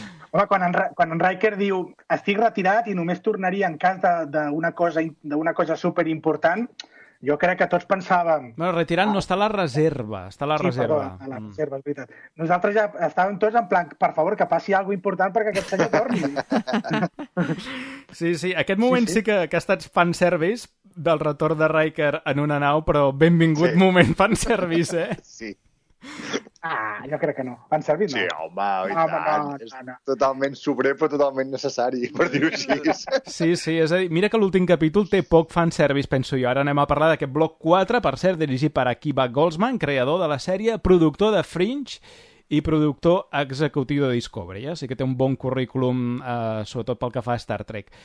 Et in Arcadi Ego, capítol de dues parts en el que es posa punt i final a la sèrie i que ja havíem descobert les trames, però faltava resoldre, en aquest cas, la batalla entre eh, humans, romulans i sintètics que s'acaba eh, resolent aquí, en, bé, arriben en un planeta, no?, una mena de flors, que el- els fan aterrar i és aquest planeta sintètics on descobrim el, per el personatge d'Altan Inigo Sung, com no, interpretat per uh, Brent Spiner, una vegada més uh, interpretant a un membre de la família Sung, ja, ja els ha interpretat pràcticament a, a, a tots, no? jo diria, i ara faltava el fill, el fill desconegut, que no sabíem que existia, però bé, qualsevol excusa és bona per eh, portar l'actor de tornada fent eh, qualsevol cosa, no? Alguns ens imaginàvem en aquest final de potser recuperen el personatge Data a través de d'una versió en carn i ossos, però quan vam veure aquest personatge ja ens vam imaginar que la cosa no seria així perquè teníem aquest, uh, aquest personatge de, de Sung. Uh, bé, com heu vist aquest uh, capítol final? Que hi ha forces coses a comentar. Uf, um, espera, eh, espera molt, molt patinera, molt, eh, molt de patir entre part 1 i part 2, sobretot com ho deixem, i ho avançava en Pau també abans, aquesta personatge Sutra, que quan va aparèixer en pantalla tots, tots van veure en, en, el germà dolent d'en Data, el Lord, eh, efe- efectivament, és dolenta, té els seus propis interessos, per un bé major i tot el que vulguis, però d'una forma totalment incorrecta, i aquestes naus mm, orgàniques, eh, les, les orquídies aquestes que ataquen, que ataquen a les naus de l'òrbita i les atrapen i les porten a, la- a, la, a la superfície, molt interessants. Expliquen molt d'aquesta cultura sintètica de, de que valoren més l'orgànic i no l'artificial. Hmm. Tot i ser artificials. En aquest capítol es produeix diverses, diverses coses. Primer, s'emporten la sirena cap avall, s'emporten el cupboard que també travessa cap avall, i dius, bueno, el cupboard ja no farà res, vull dir, l'han pràcticament eh, desactivat eh, del tot, i Picard aquí confessa doncs, que li queda poc temps de vida, no? Que ens pensàvem que potser li quedaria més temps, però aquí ja veiem que Picard diu que eh, li queda poquet, no? I clar, nosaltres ja anem començant a resoldre a veure com s'acabarà resolent això. Per això que en aquell moment que el, el doctor Sung, quan arriben a l'estació Coppelius, que és on estan aquests sintètics, per cert, me va recordar molt a a la Star Trek del 60 al Roddenberry, eh? és a dir, una estètica, aquests eh, androides molt, molt hippie, eh? és a dir... no sé, jo crec que és un homenatge a aquell, a aquell Star Trek, no? aquesta societat idíl·lica una mica que s'ha muntat a l'estil Star Trek de, de la sèrie clàssica. Doncs... No tenien aquest planeta on anar a fer vacances? No era Riga o alguna així? Raissa. O Raissa. Pues a mi em va recordar una mica això, una societat a, a priori ben equilibrada, amb uns papers... Tot molt light, no? Molt, tothom una mica així de on holidays. O Happy Flower, sí. Sí, sí, sí. amb un pare únic. Feia, a mi m'ha fet una mica d'entera, eh? Us haig de dir. Aquest ensum Però... no, no m'ha acabat d'agradar. Amb aquest pentinat romà, una bueno, mica com, César... Com diu en Data, no? El sung li has d'agafar el punt. Ah, jo no l'he agafat. Sempre tens aquella sensació que t'està amagant sí. alguna cosa. Però crec que és premeditat, almenys pel primer capítol, perquè et vol fer ballar el cap. El segon, diguéssim, ja les cartes eh, són obertes. Però... No ho sé, jo fins a últim moment no vaig veure clares les intencions. Home, jo, quan, jo quan vaig veure que realment eh, ell descobria que Sutra havia matat eh, un altre dels androides que tenien allà, és com dius, no, no, realment aquest tio és bo i no té males intencions. Però tu no t'has recordat una mica líder d'una secta? Uh, no. Ara perquè ho dius i dius, bueno, podria ser, però no, no, d'entrada a mi no. Perquè és com si una de les meves filles se m'ha descarriat no? I l'haig de castigar. És que de fet són filles seves. Sí, ja, però és que és molt estrany. És que, és que és una família, allò, en el fons, no? Vull dir, és... Eh, tot, tots els androides creats a partir dels engrames de memòria en data, no?, que mm, va rescatar en Bruce Maddox i que llavors descobrim que la memòria del data del Biford també està descarregada eh, en una mena de... Bueno, a la memòria d'un ordinador, no? És aquí quan ens emportem la petita sorpresa que van recrear eh, en data, mm, o menys l'essència d'en data, en un ordinador per poder fabricar tots els sintètics que, que han vingut després, no? i que els han creat a partir de, del que tenien d'en data. Sí, aquest moment de, de que sabem que en data, entre cometes, està viu, eh, o almenys la seva ment està viva, és un moment molt nostàlgic. No és fan service perquè veníem a buscar en data i l'hem trobat. Uh, com bueno, resolen les coses? Jo no ben bé, eh? perquè clar, a veure, ah. això és, és una simulació... O sigui, no és en data, en el vale, fons. Sí, no. És en data, és en data a nivell, a nivell de ment, a nivell de, de forma de ser. Sí, això sí, però no és el data de, de la nova generació, per entendre's. Aquell va morir. Bueno, que és... Aquí podríem discutir dos programes sencers, eh, també. Podríem estar dues hores més de programa sí. parlant d'això. No, però... És el, data, és el data abans de morir. Exacte. Per això traspassa la seva memòria en Before i aquesta memòria surt en Before. Uh, òbviament no és el data emocional amb el xip sintètic, perquè òbviament no el té, però si és el, si és el data reflexiu, el data que vol aspirar més, que sí que, que, sí que coneixem. Uh mhm. -huh. I en aquest cas aspira molt, perquè... A molt sí, aspira a, a morir. Sí. Aspira a ser humà del tot. Exacte. Bueno, sí, clar, és la conseqüència. Mm. Eh, per sí. mi, dos molt bons... Perdó, eh? No, no, només... No, no, digues, digues. Uh, dos molt bons capítols. I'm aware that I was killed in 2379, but I have no memory of my death. My consciousness exists in a massively complex quantum reconstruction. Made from a copy of the memories I downloaded into B4 just before I died. You don't remember your death? I can't forget it. Apparently, I ended my existence in the hope of prolonging yours. That's right. Before I had even grasped the nature of our predicament, you had conceived and executed it. I was furious. My apologies, Captain. But I'm not certain I could have done otherwise. True. That might have been the most data thing you ever did. I've always wished that I could have said I was sorry, that it was you and not me. Captain,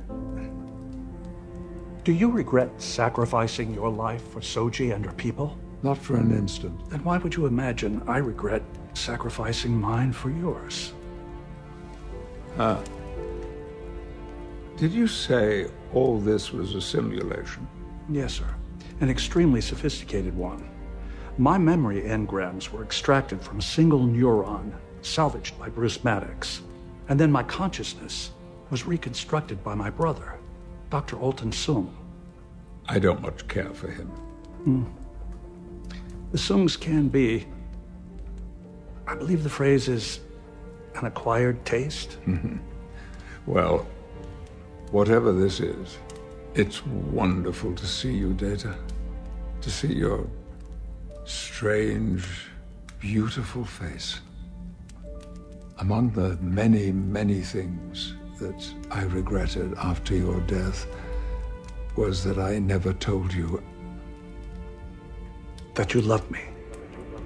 I no sé si després voldràs fer un apartat de, de valoració global o així. Sí, sí, sí. I ara potser em matareu una mica, però per mi l'únic que no m'ha agradat és el final.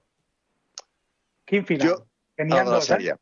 No, el de, o sigui, vale, no. Uh, un és conseqüència de l'altre. O sigui, jo per mi, i aquí ja faig l'espoiler gros, suposo, o ja no vindrà d'aquí, uh, això hauria sigut una sèrie d'una temporada Coincideixo. que, que hagués sigut el final perfecte per en Picard. O sigui, no ressuscitar-lo hagués sigut per mi el, el, el tancament... És més, jo no sabia en cap moment... Vaig veure l'últim capítol sense saber que la sèrie estava renovada per una segona temporada. Suposo que si ho hagués vist no...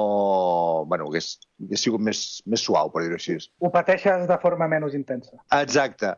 Però el, el sacrifici d'en Picard, vaig pensar, ole, o sigui, s'han atrevit a, a, a matar el personatge i, a més, d'una manera eh, molt, molt digna i, i molt pròpia d'en Picard. És el, saps que dius? El final perfecte i em fa por que ara, al, al final de la sèrie, que és el que deia Sergi, el segon final, quan decideixen ja moure, o sigui, començar com una espècie de sèrie d'aventures a l'espai, eh, acabin mm, perdent una mica l'essència de, de, de, de la sèrie. O sigui, el moment d'en Picard era aquest, s'acaba aquí, i continuar-lo potser no sé si serà allargar una mica massa uh, la història. No sé. Me quedo amb aquest doble regust. M'agrada perquè podrem seguir veient més coses, però um, hagués, no m'hagués fet res que hagués acabat el, el personatge que és mort en aquí. Sobre el tema, t'ho dic perquè he, he sentit alguna crítica en el sentit de és que això havia d'acabar així i com que van renovar per una segona temporada el van decidir ressuscitar. Això no és cert.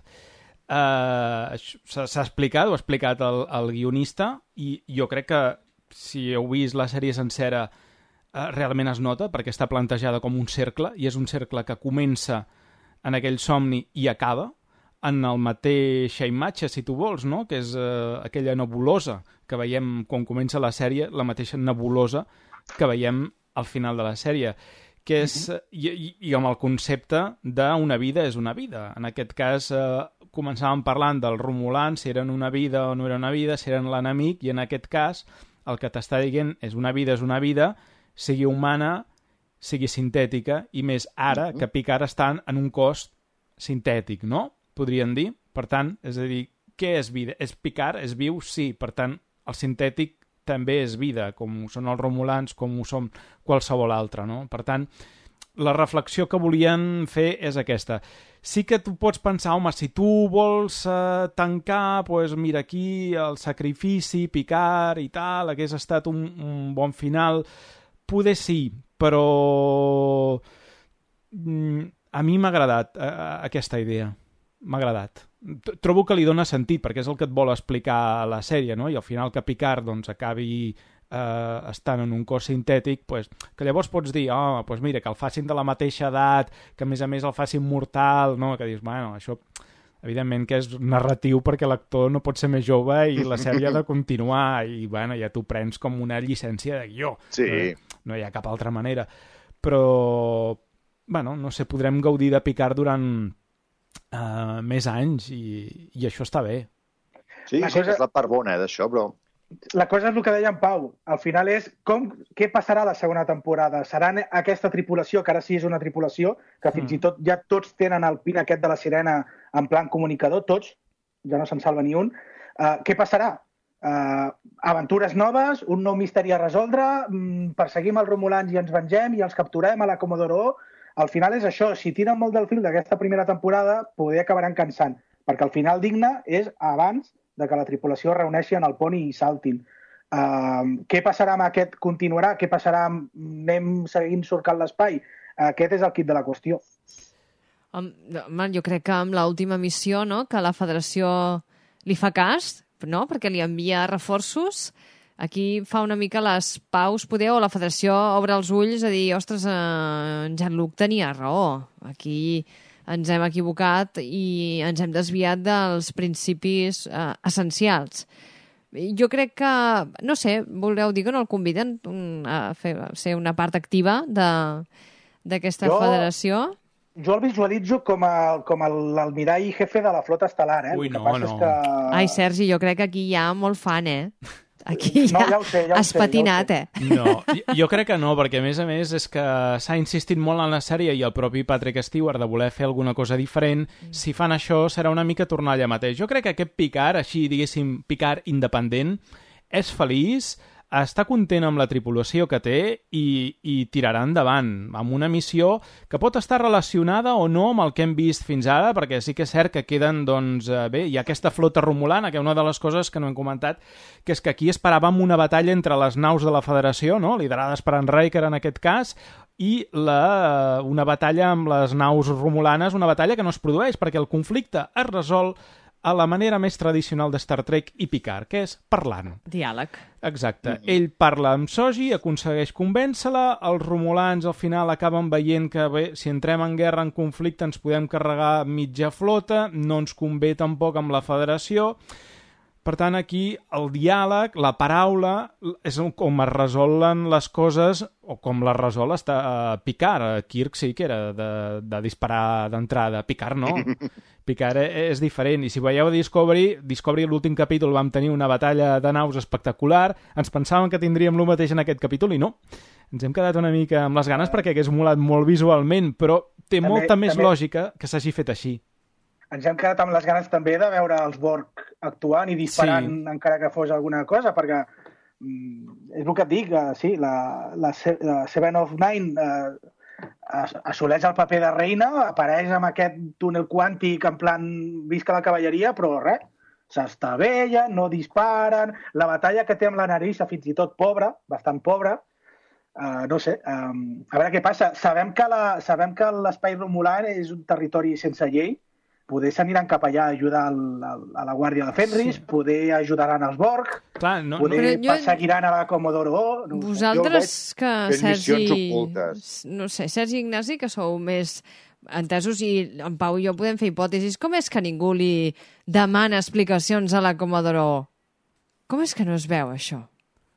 Aquesta, ja aquesta, fora- dona, aquesta dona ocupava un càrrec de poder a la, a la federació Bueno, i de a- cop i volta està es- en una nau està, romulana. Està fora, està fora de la flota estel·lar, vull dir, sí. la veiem en el pont de, del comandament de la nau insígnia romulana. Ara s'ha descobert Òbviament. la careta i ha marxat. Clar. Ella diu, no, no, jo me'n va- vaig de vacances, eh, ja torno, vinga, adéu.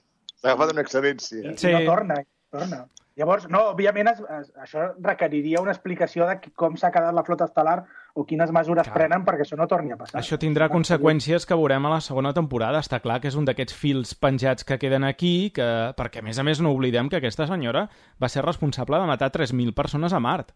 Per tant, a veure, que, que escolti, que, que tampoc... Bueno, responsable, responsable. Sí, poder, poder va apretar el, el gatillo, però les persones que van fabricar les armes eren moltes més. Eh? La federació va obviar la decisió d'aquesta dona. Però ella va, va construir el complot. Hmm. Va Vale, sí, convèncer però- tothom. Però els altres van mirar cap a un altre costat, eh? Vull dir que no sé... eh, Sí, no, ja, però va ser ella la A que va... posteriori. A No, no, aquí hi ha més danys que no va- col·laterals. Jo parlo que- que la responsabilitat de tothom. És a dir, l'heu cagat i l'heu feta molt grossa. O sigui, en, en un món de Star Trek en què eh, no n'hem parlat, però la diplomàcia sempre ha tingut molt de pes, Sí. aquí no, no hi és.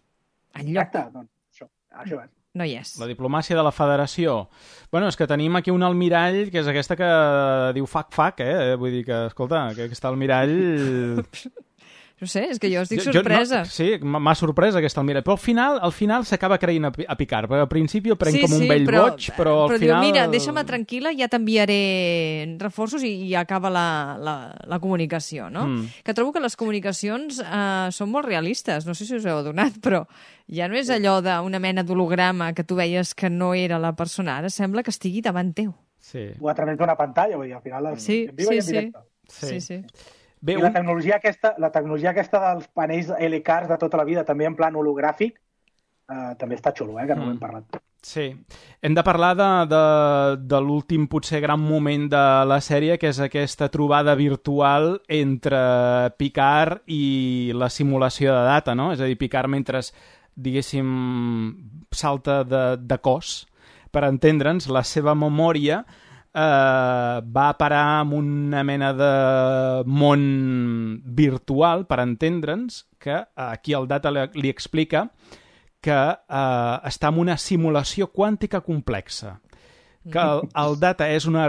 que ell, vaja, data, que és qui parla, és una reconstrucció feta a partir de la memòria de data copiada de Before, que recordem que és aquella còpia que es fa a Star Trek Nemesis, abans de morir, per això ell no recorda haver mort, però ho sap tot.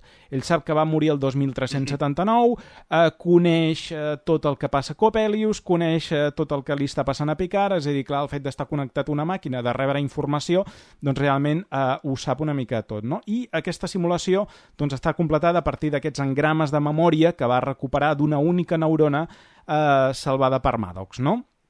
Aleshores, aquest eh, Picard, que està allà esperant ser mm, transferit eh, en aquest golem, no? Eh, eh, pot tenir aquesta conversa amb data i trobo que aquí és eh, el fet de fer les paus, no? És a dir, eh, tu per què has jutjat que jo no em volia sacrificar per tu, no? Dius... Eh, i la, clar, està veient tu t'has sacrificat la teva vida per als si- sintètics. Et qüestiones no haver-ho fet bé? Clar, diu, no, doncs per què tu penses que jo eh, m'arrepenteixo o em podria haver penedit? Perquè aquest data no en recorda haver-se sacrificat, no? Com em podia haver penedit d'això? És una conversa important, metafòrica, transcendental, perquè es parla de la vida del mort. Aquí és quan ell li demana que la pagui, no? Hi ha la metàfora aquesta de la papallona, que la papallona no és real, eh, sinó pot morir, i és el que li demana, la mortalitat, per donar sentit a, a la seva mm, vida humana, no? És, és data el que aspirava era la humanitat.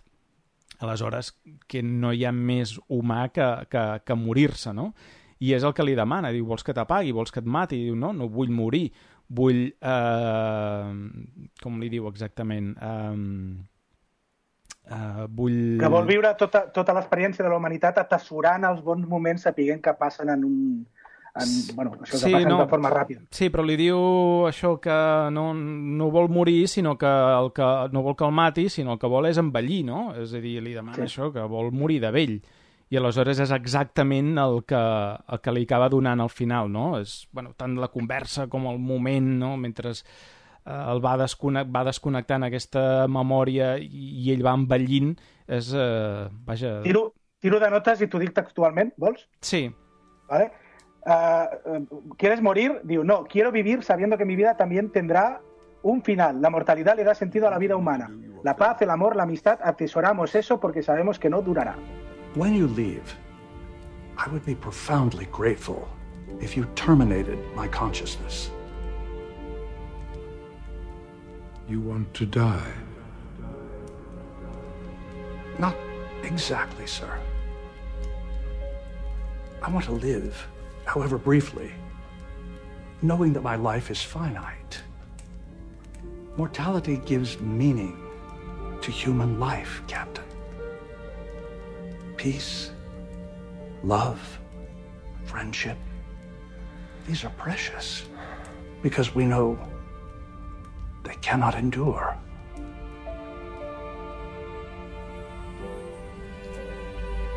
Butterfly that lives forever.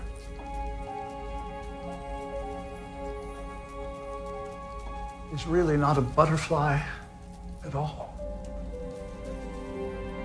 Sí, de, de fet, en un capítol eh, de la nova generació, del, del primer capítol de Times Arrow, Data té una conversa semblant amb el Jordi LaForge i, i en aquell moment ell mm, s'ha vist morir, no? en una circumstància que veureu el capítol, i és com que ell és feliç sabent que la seva vida serà finita, perquè dius, jo no vull veure els, eh, els meus amics com es van morint i jo em vaig quedant, diguéssim, igual que sempre, no? Jo vull aspirar també a fer-me vell i, i a morir-me.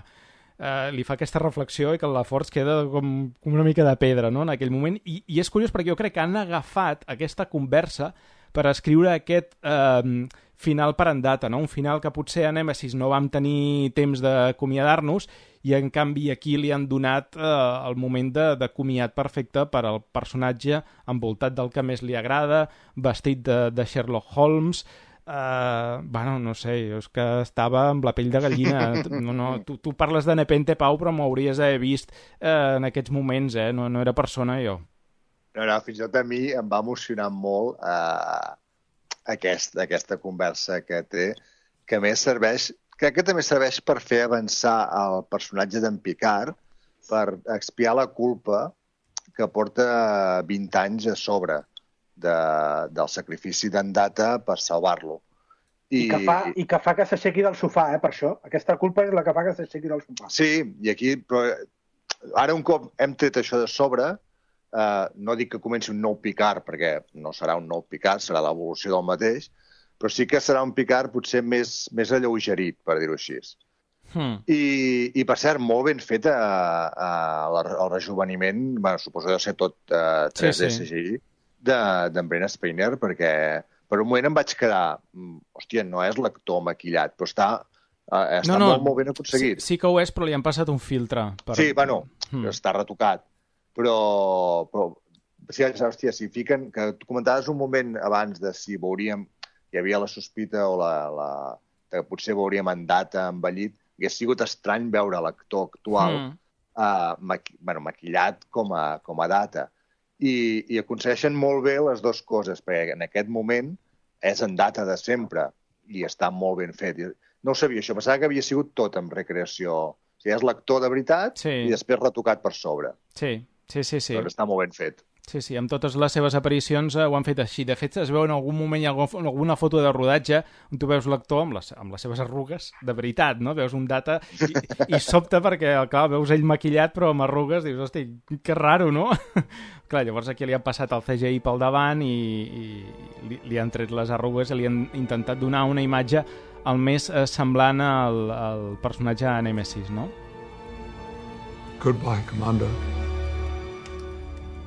Goodbye, Captain.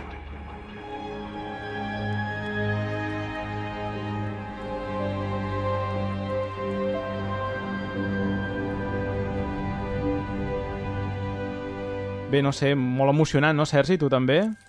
Bueno, és un moment sublim, vull dir que, i que poder que sí que no t'ho esperes, poder que passi d'aquesta forma, però sí que crec que tots esperàvem que en data sortís d'alguna o altra forma encara que fos amb un somni, vale? i mira, ha estat poder no físicament, però sí virtualment, i, i, i gran final, gran final eh, sacrificant-se per aquesta humanitat, gran final també per en Picard, vale? també sacrificant-se per, per aquest dret a decidir, a que Soji pogués decidir si ser bona o dolenta, que hem comentat abans, i, i bé, tenim un, un Picard en un cos sintètic, eh, per, per sort, uh, no, és, uh, no és invulnerable, no és immortal, no té superforça, que jo crec que en Picard encara que digui que no li hagués molat molt tenir-ho, i, i esperar la segona temporada a veure què passa.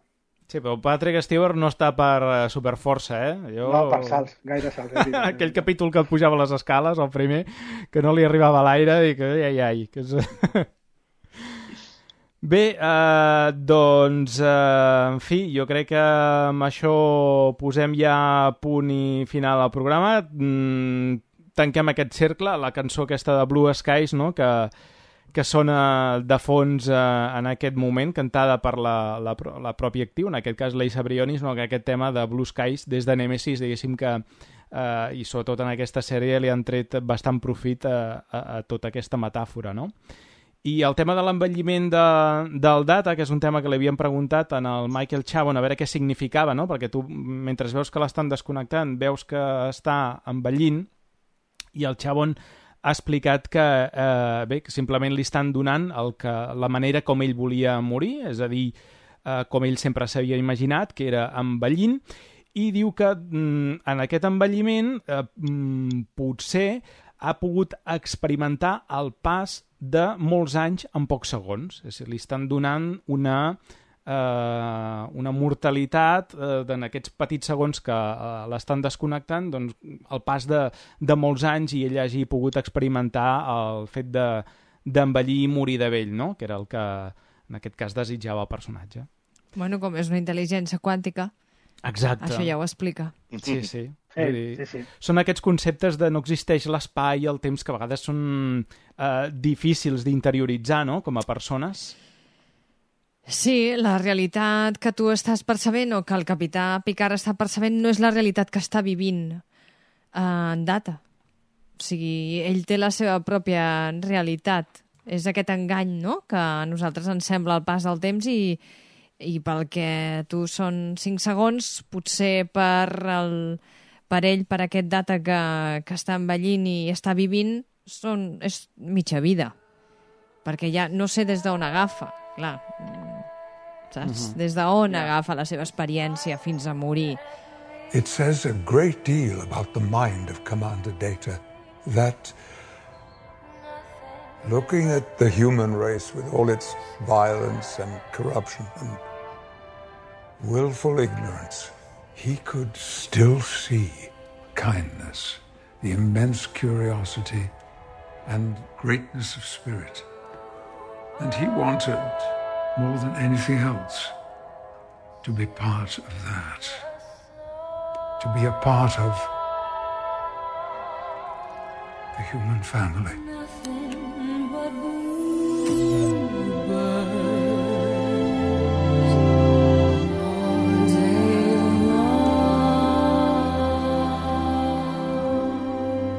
We are such stuff as dreams are made on.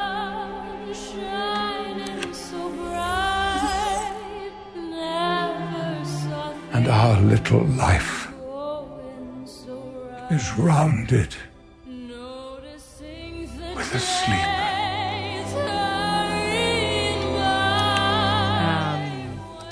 Mi m'ha agradat molt per això aquest, uh, aquesta broma que fa uh, Picard al, a la taula amb, amb la seva tripulació. Crec que no sé si és la primera o de les poques que li he vist uh, al capità fent una broma així relaxadament amb, amb col·legues.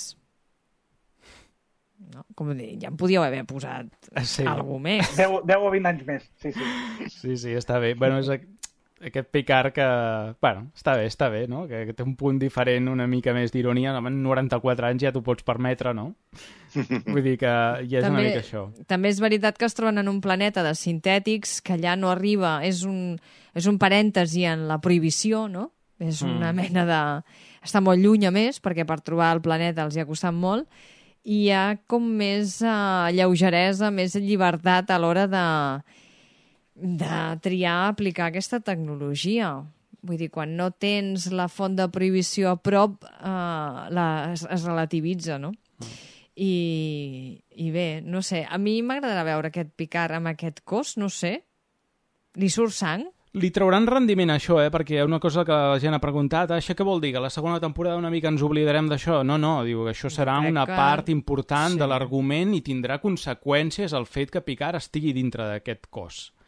Per tant, no és Mm. una cosa que quedarà així, sinó que entrarem en el tema a la segona temporada.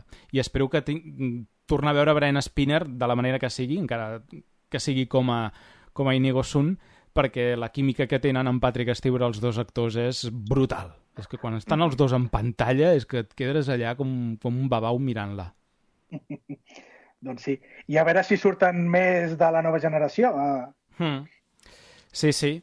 Ara, un petit detall que us volia comentar eh, abans d'acabar. Pot semblar una mica frívol amb tot el que estem pensant, eh, que, que estem parlant ara. Um, el plànol aquest final que es veu a Seven of Nine i Rafi agafant-se les mans ha tingut molta discussió per internet pel fet de que si s'estava parlant que hi havia una relació romàntica entre les dues... I per què ha de ser romàntica? O sigui, No, no, és que a més a més el guionista ha dit que probablement explorin això.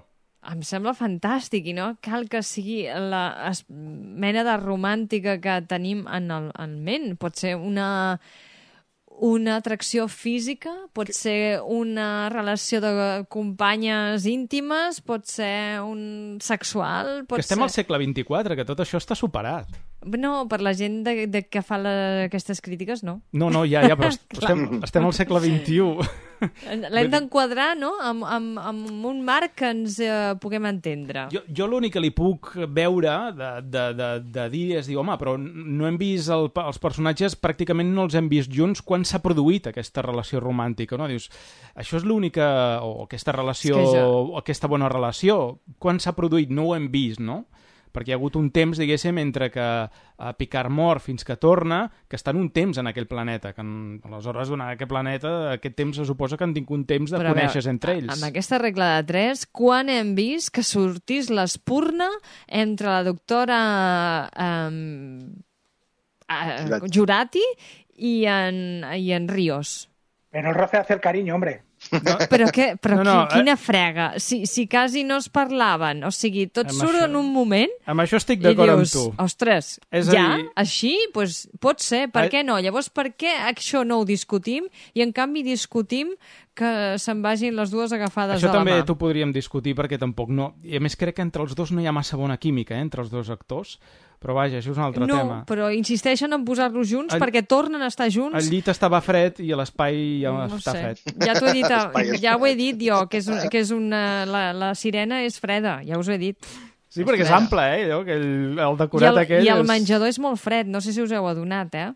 Però quan està la Jurati menjant pastís eh, desconsoladament, eh, amb un atac de dolç eh, per, bueno, perquè ha fet alguna que no pot dir, però se sent molt malament, eh, ostres, menjar allà, tot, eh, la banqueta, tot és, no és molt còmode. És una nau que no és molt còmoda, no és per fer-hi vida, però bé, jo crec que la canviaran. Jo crec, jo crec que la flota, jo crec que la flota li donarà una nau en en Picard. No, no, no, la sirena es queda. Jo també ho crec, eh? Vale, doncs li posen un annex, un dúplex, eh? més confortable. Més amb més habitacions... Això perquè sí, tampoc, perquè- hem, tampoc hem explorat molt les habitacions de cadascú. No, no, en Picard Que és veiem en- que és, holo- és, un, és una sala hologràfica on s'ha recreat el seu despatx. En Picard però... té una sala que em cau la bava a mi, no? És super... Però és el seu despatx al xató, no, no és altra Però cosa. no té el llit allà. No, No, li hem vist el llit. Picar s'ha quedat a l'habitació gran. La vida, sí. Ostres, sí, és allò quan no? ets estudiant i fas eh, sorteig i mira, Per toca el edat, que toca. el més gran ha d'escollir, no? no? I llavors hem vist l'habitació d'en Ríos i ja està. Sí, és cert, hem vist la, el seu... O sigui, és petitet, eh, l'espai, no, no, no és molt gran. Perquè la, la Rafi veiem que està allà però no surt. És quan... Sí, sí. Rafi no, Bueno, no però sí, no, però sí que la veiem, eh? Quan Sí? en Ríos li porta el cafè i, sí. Ah, clar, sí, i ella sí. li explica, sí, sí l'hem vist. Sí. Sí, sí. Sí, una mica és petita, eh, no, Sergi? Té el llit i tal, no gaire ah, no, res. ja està. No, No gaire res, Bueno. eh? És molt austera, eh? Bueno, bueno. hem acabat parlant de les habitacions de la tripulació de les sirenes. o Em, és- sí, em fa gràcia perquè és algo que a Star Trek sempre surt. Sí. Les habitacions del, de la tripulació. Bueno, ara me'n vaig, no? Però quan el Kirk, als anys 60, sempre veiem a l'habitació posant-se les botes, no? O posant-se la samarreta. Ah, pensava que metafòricament, que es posava les botes. No, Dic, com que, sí, no, era- com que als anys Això no es 60... als anys 60 havia cens... Bueno, això va arribar més tard, però als anys, als anys 60 havia censura i no es podia mostrar escenes de llit, aleshores... Ah, Sempre, veies com es vestia. Sempre veies el capità doncs, amb una noia d'esquenes al llit, que a vegades no li veiem ni la cara, i el capità posant-se les botes. Magnífic. Aleshores, tu ja... Eren els anys 60, què voleu? I s'entenia tot. Clar. Molt bé, no sé si voleu dir alguna cosa més eh, per acabar, reflexions finals. Pues jo crec que mm, se m'han escapat moltes coses. jo crec que l'hauria de tornar a mirar, però bé, potser més endavant, quan la tingui més refredada. Sí, jo... més afegir jo, sí. que m'ha agradat, que m'han fet ganes de tornar a recuperar la nova generació. No, no sé si ho faré, perquè tinc molta feina a fer i molta cosa acumulada, però és cert que vaig acabar dient, doncs m'agradaria tornar a mirar la sèrie. Mira, si vols et puc I- fer una, una llista de 15 capítols i, tot, i no cal que no, vegis... no, la- que jo sóc molt completista i si començo ho hauré d'acabar i La no, playlist. no és per la salut, això. I res, que, que val molt la pena. Vull dir, fins i tot, ja us ho dic, mm, que és fan de la ciència-ficció però no sigui fan de Star Trek, eh, li agradarà.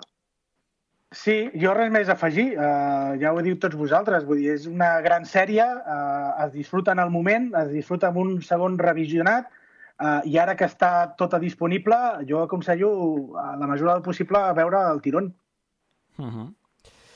Doncs uh, res més, jo, mira, com diu Picard al final uh, uh, dalt de la sirena, una vegada més, engage. Gràcies per acompanyar-nos i ens anem retrobant en futurs programes. Una abraçada. Adeu. Adeu, adeu. Llarga i pròspera vida. Igualment. I Jolan True, com diuen els romulans. Ai, ai. Ready, Admiral?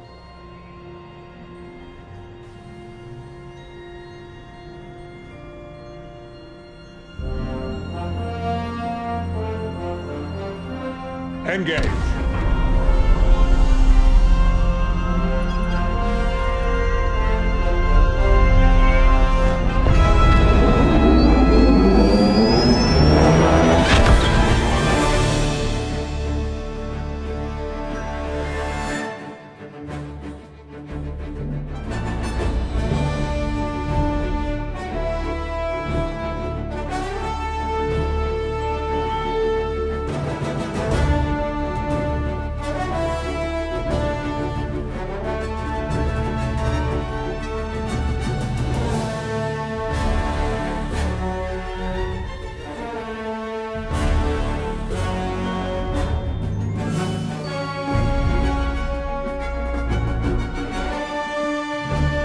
Per tancar aquest especial ens agradaria oferir-vos una llista de capítols i pel·lícules en les quals Star Trek Picard hi fa algun tipus eh, de referència o que us poden ajudar a completar una mica més la visió de conjunt d'aquest univers que ens mostra la sèrie Star Trek Picard. Per això hem agafat una petita llista de, de capítols, o gran llista, com vosaltres vulgueu, i res, us comentarem quins són aquests capítols, eh, la sèrie a la qual pertanyen i més o menys eh, ràpidament no anem a explicar els capítols, sinó quines referències hi podeu trobar que estiguin relacionades amb Star Trek Picard. He intentat fer-ho per, per un ordre, un ordre eh, de sèries, mm, per entendre'ns, eh, ara ho comprovareu ràpidament. Per exemple, la primera referència que us podria parlar és de uh, la sèrie original de Star Trek, concretament el capítol 24 de la segona temporada. El títol es diu The Ultimate Computer i en allà se'ns presenta el Dainstrom Institute, aquest uh, institut d'investigació uh, de vida sintètica o artificial que podem veure de manera presencial en el primer capítol de Star Trek Picard. I saltem de sèrie ja, ens n'anem a Star Trek The Next Generation, Star Trek La Nova Generació, que és la que trobarem la majoria de les referències, i anem al capítol 9 de la primera temporada anomenat The Battle. L'Stargazer va ser la primera nau capitanejada per Picard i aquí podrem aprendre més coses sobre aquesta etapa de Picard a l'Stargazer. Seguirem pel capítol 12 de la primera temporada de la nova generació, el capítol anomenat The Big Goodbye, en què Picard interpreta per primera vegada el detectiu Dixon Hill en la sala hologràfica de l'Enterprise, que és com, bé, eh, una manera de passar el temps quan no estàs en les teves tasques, en aquest cas, de capità. Seguirem pel capítol 13 de la primera temporada de la nova generació. Estem parlant de Datalor. En aquest cas tenim a l'Enterprise eh, D aturant-se a Omicron Z, que és el lloc on va ser descobert en data. En allà descobrirem com en data va ser trobat per als membres d'una nau, la USS Tripoli, però per alguna raó en data conserva la memòria dels 411 colons que es trobaven en Omicron Z.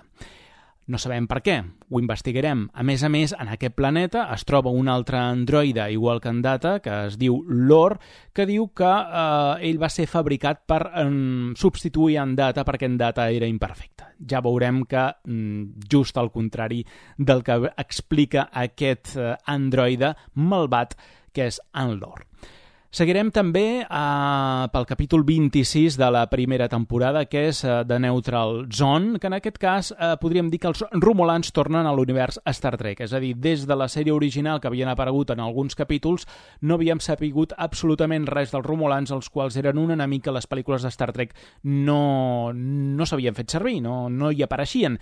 I en aquest cas van tornar a ser introduïts a l'univers de Star Trek, a més a més van ser redissenyats, eh, al front tenien unes projeccions protuberàncies que els diferenciaven dels uh, vulcanians, eh, és un maquillatge que se'n va encarregar amb Michael Westmore, que és qui feia tots els maquillatges de la nova generació, i a més a més també va ser la primera aparició d'un Warbear eh, romulà amb un nou eh, disseny d'Andrew Protzbert.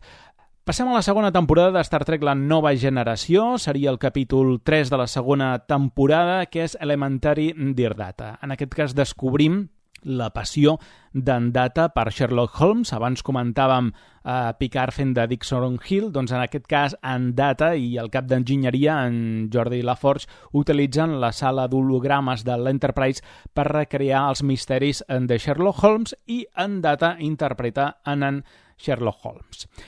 I ara sí, un capítol molt important de cara a la trama de Star Trek Picard. Estem parlant del capítol 9 de la segona temporada de la nova generació. The Measure of a Man. Se'ns presenta el capità Bruce Maddox, el qual desitja reclutar en data i desmuntar-lo per tal d'estudiar-lo. Això suposaria un gran avenç en la fabricació d'androides per part de la flota estel·lar. No obstant això, hi ha un risc important, que és que si el desmunta mm, pot ser que no aconsegueixi reconstruir-lo i per tant això podria suposar la mort d'en Data. Eh, segons Maddox, en data no té dret a decidir ni a participar de si pot ser o no desmuntat, ja que és considerat propietat de la flota al no tractar-se d'un ser viu. Aleshores es crea un judici per determinar si en data és un ser viu o no, si està en el seu dret d'escollir com a humà o mm, contràriament, és propietat de la flota estel·lar com qualsevol altre ordinador. Un capítol molt bo i molt, molt interessant. També us el recomano que el veieu moltíssim. I era un capítol que és, eh, al contrari, molt intrascendent, però que l'afegeixo perquè té alguna cosa que m'ha fet recordar el capítol 5 de Picard Stardust eh, City Rec. Concretament, el capítol 12 de la segona temporada de la nova generació, que es diu The Royal. En aquest cas, eh, l'equip que surt a investigar un planeta queda atrapat en un casino després de diferents intents d'intentar sortir-ne. I ara sí, un capítol molt important de cara a la història de Star Trek i també de cares a Picard, que és el capítol 16 de la segona temporada, que porta per nom Q-Hugh, que estem parlant de la primera aparició dels Borg. En aquest cas és l'entitat Q que porta els Borg des del quadrant Beta al quadrant Alpha, on es troba l'Enterprise per posar-los a prova i fer-los veure als seus tripulants que no estan preparats per totes les amenaces que es troben allà fora. I passem a un altre capítol també molt, molt important de cara a la trama de Star Trek eh, Picard, mm, tot i que també és cert que no deixa de ser anecdòtic. Estaríem davant del capítol 16 de la tercera temporada, que es diu The Offspring. Per què? Perquè en aquest cas és uh, un intent de data per crear vida artificial a través de la seva pròpia estructura, el seu disseny, conjuntament també amb els avenços que ha fet la Federació en Tecnologia Cibernètica. Crea aquest nou androide, el qual anomena l'AL, i veurem que, malauradament, l'experiment eh, no acabarà de sortir del tot bé. En tot cas, seria una precursora del que, sense cap mena de dubte, ha estat eh, Soji a eh, Star Trek Picard. I anem pel capítol 17 de la tercera temporada de Next Generation. Estem parlant eh, del capítol Sins of the Father. En aquest cas, recordeu aquell capítol, el primer, en què Picard eh, va als arxius de la flota estel·lar, veiem una arma Klingon penjada allà, que és un Badle, doncs podríem dir que eh, és el que va adquirir durant la crisi política Klingon que se'ns narra en aquest eh, episodi i que Picard actua com a Shadish d'en Worf. Shadish vindria a ser com el segon en el ritual en el qual ha de participar Worf. Anirem al capítol 19 de la tercera temporada de The Next Generation, és Captain's Holiday, que és un capítol també bastant intrascendent, però que descobrim l'interès eh, de Picard eh, per l'arqueologia. Aniríem al capítol 23 de la tercera temporada, en aquest cas eh, el capítol homenat Sarek. Eh, simplement podríem dir que Picard coneix més íntimament el pare d'Espoc Uh, i és un capítol prou important i passen coses doncs, que pel que fa a les emocions de Picard jo crec que és important que, que el veieu. Aniríem al següent capítol, el 24 de la tercera temporada, Menage a Troy. En aquest cas és un capítol perquè coneixeu una mica més la dinàmica entre Riker Troy i la mare de Troy, que són segrestats per uns eh, farenguis. Toca així una mica de passada també la relació amorosa que havien tingut eh, els personatges en un moment anterior a que comencés la sèrie de la nova generació. Anirem a potser el que és el capítol o el capítol doble més important de la nova generació i que no us heu de perdre, que és el capítol 26 de la tercera temporada i l'episodi 1 de la quarta, que és The Best of Both Worlds, el millor d'en dos mons. És el capítol en què mm, Picard és assimilat pels Borgs, es converteix eh, en Locutus i com a Locutus ataca a la Federació i posteriorment veurem que és recuperat i és desassimilat. Podríem dir que és el primer ex-B que coneixem, mm, el propi capità Picard.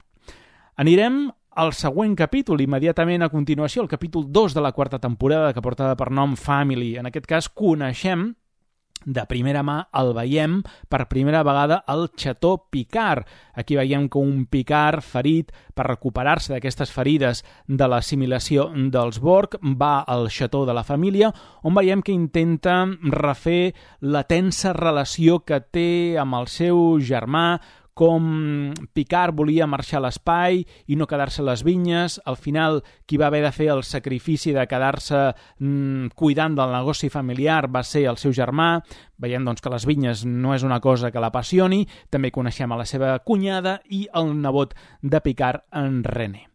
Tirem, mira, també un episodi més, l'episodi 3 de la quarta temporada, que porta per nom Brothers.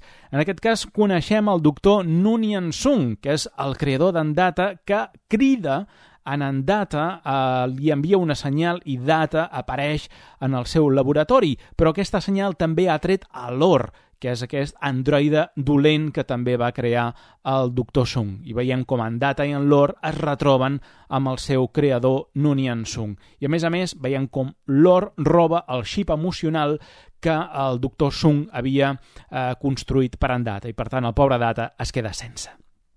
Passaríem al capítol 11 de la quarta temporada de la nova generació, Data's Day, el dia d'en Data, que és un capítol, si voleu dir, també mm, poc transcendental, però té coses molt importants per conèixer el futur d'en de, de, Data i com és ell com a personatge. De fet, el capítol és una carta escrita que fa eh, Data a Maddox, que representa que eh, una mica han llimat el conflicte que van tenir en el capítol que anteriorment havíem mencionat de The Measure of a Man. En aquest cas, eh, Data li escriu, li informa de les seves activitats eh, del dia a dia, de la seva jornada completa a dintre de l'Enterprise. I aquí és on descobrim també per primera vegada que Data té un gat que és l'Spot.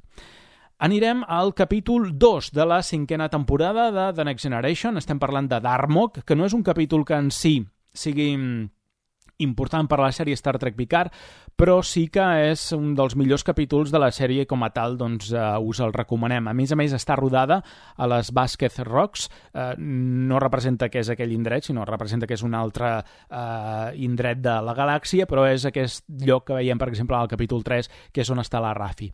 En aquest cas, eh, Picard eh, el que ha de fer és aprendre's a comunicar amb una altra raça que parla a través de metàfores amb unes circumstàncies bastant complicades.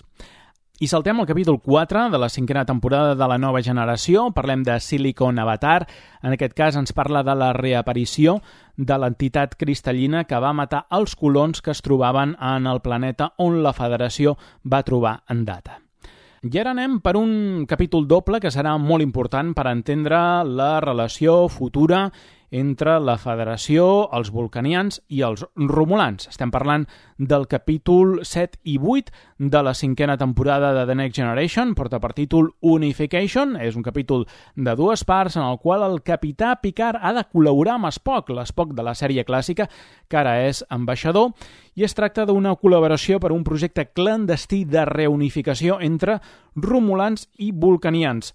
Recordem que antigament eren una sola raça, que es van separar, els vulcanians eh, van apostar pel camí de la lògica i els romulans més aviat doncs, per eh, les emocions i els impulsos, justament tot el contrari. I novament un capítol importantíssim, El capítol 23 de la cinquena temporada de la nova generació és iBorg, Job Borg.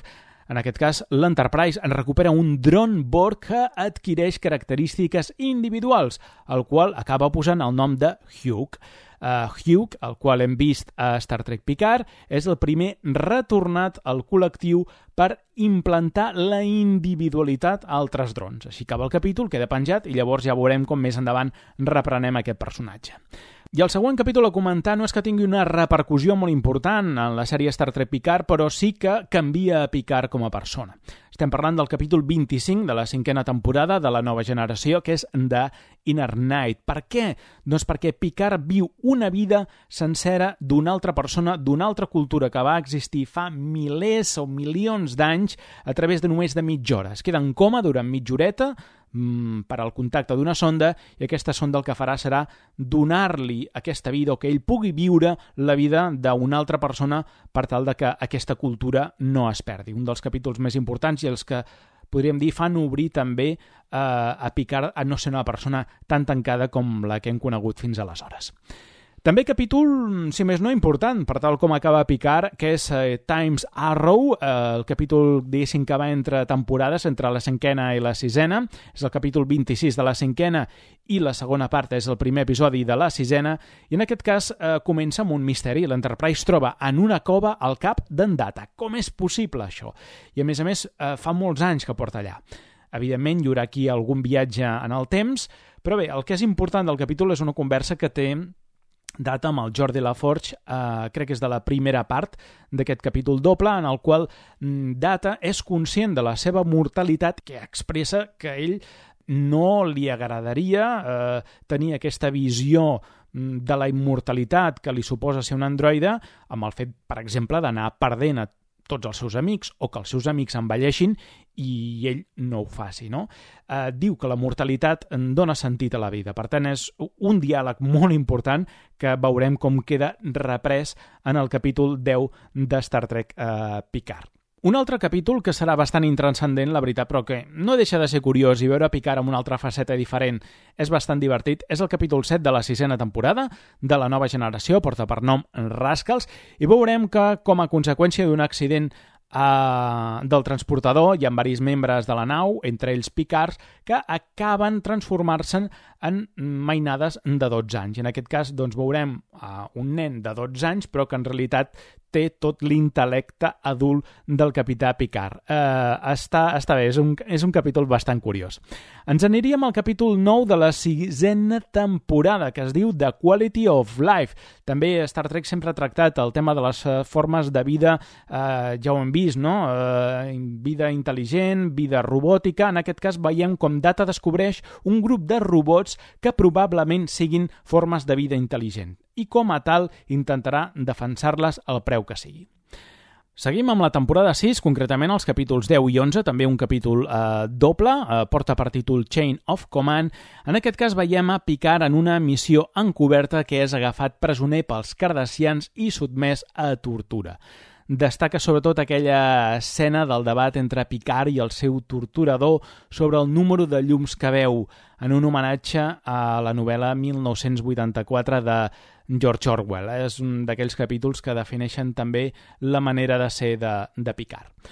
Passaríem al mirar, al capítol 12 de la sisena temporada, que es diu Ship in a Bottle, que en aquest cas eh, reprenem aquest data eh, fent de Sherlock Holmes en la sala hologràfica, concretament un spin-off del personatge del professor Moriarty, ja que aquest personatge del programa de Sherlock Holmes d'en Data pren el control de la nau i exigeix ser alliberat de la sala hologràfica per viure en un món real, fora dels límits de la sala d'hologrames. És això, doncs, que fins i tot un holograma també reclama la vida. Ja no és allò que parlàvem de la vida sintètica o robòtica, sinó que també eh, passa amb els hologrames. I saltem al capítol 14 de la sisena temporada, que porta per nom Face of the Enemy. En aquest cas és d'aquells capítols que serveixen per ampliar la cultura romulana a través del personatge de la consellera Troy, que s'infiltra com a una oficial d'intel·ligència romulana per ajudar a desertors de l'alt comandament romulà. I anem per un capítol molt important en la biografia del capità Picard. Eh, explora un capítol del passat de la seva vida. Concretament estem parlant del capítol 15 de la sisena temporada, que porta per nom Tapestry, Tapís, I en aquest capítol l'entitat Q dona l'oportunitat a Picard de canviar un moment de la seva vida, el que una baralla de bar va fer que rebés una punyalada en el cor i aquest cor fos substituït per un cor artificial. Um, la part més destacable o el link que fem de cara a la sèrie de Star Trek Picard és que apareix uh, de jove Marta Batanides, amiga de Picard en la seva joventut. Uh, per què el personatge de Marta Batanides és important a Star Trek Picard? Si us recordeu, uh, va ser capitana d'una nau en què el seu primer oficial va ser Alonso Van der Meer, que anys més tard seria el capità de Cristóbal Ríos quan aquest va servir a la nau USS Ibmagit.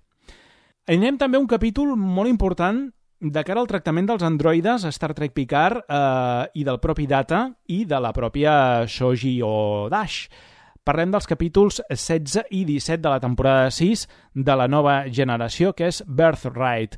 En aquest cas, crec que concretament més en el capítol 16 que no pas el 17, que és un capítol al 17 que només eh, crec que surt en Worf, però en el 16 veiem com en Data experimenta per primera vegada un somni en què se li apareix el seu pare de jove, el doctor Sung. Data arriba a la conclusió que el doctor Sung va programar prèviament la capacitat de somiar i a conseqüència d'una càrrega d'energia d'un experiment s'activa aquesta funció. I anem pel capítol 19 de la sisena temporada, que no és molt transcendent de cara a la sèrie de Picard, eh, porta per nom Lessons, però eh, sí que és d'aquells que fa que la personalitat del personatge vagi fent passos endavant. En aquest cas, Picard manté una relació romàntica amb la tinent comandant Nela Daren, amb qui l'uneix l'amor per la música. Ell a través de la flauta i ella a través del piano. I és on com veiem eh, que van buscant racons eh, de l'Enterprise enmig dels els tubs de Jeffries que tinguin una bona acústica. Anirem també un capítol força destacable de cara a Picard, que seria també un capítol doble. En aquest cas parlem de les dues parts de Descent, que seria el capítol 26 de la sisena temporada i el capítol 1 de la setena. En aquest cas veiem com l'Enterprise es troba amb uns Borg que actuen de manera individual, no com un col·lectiu.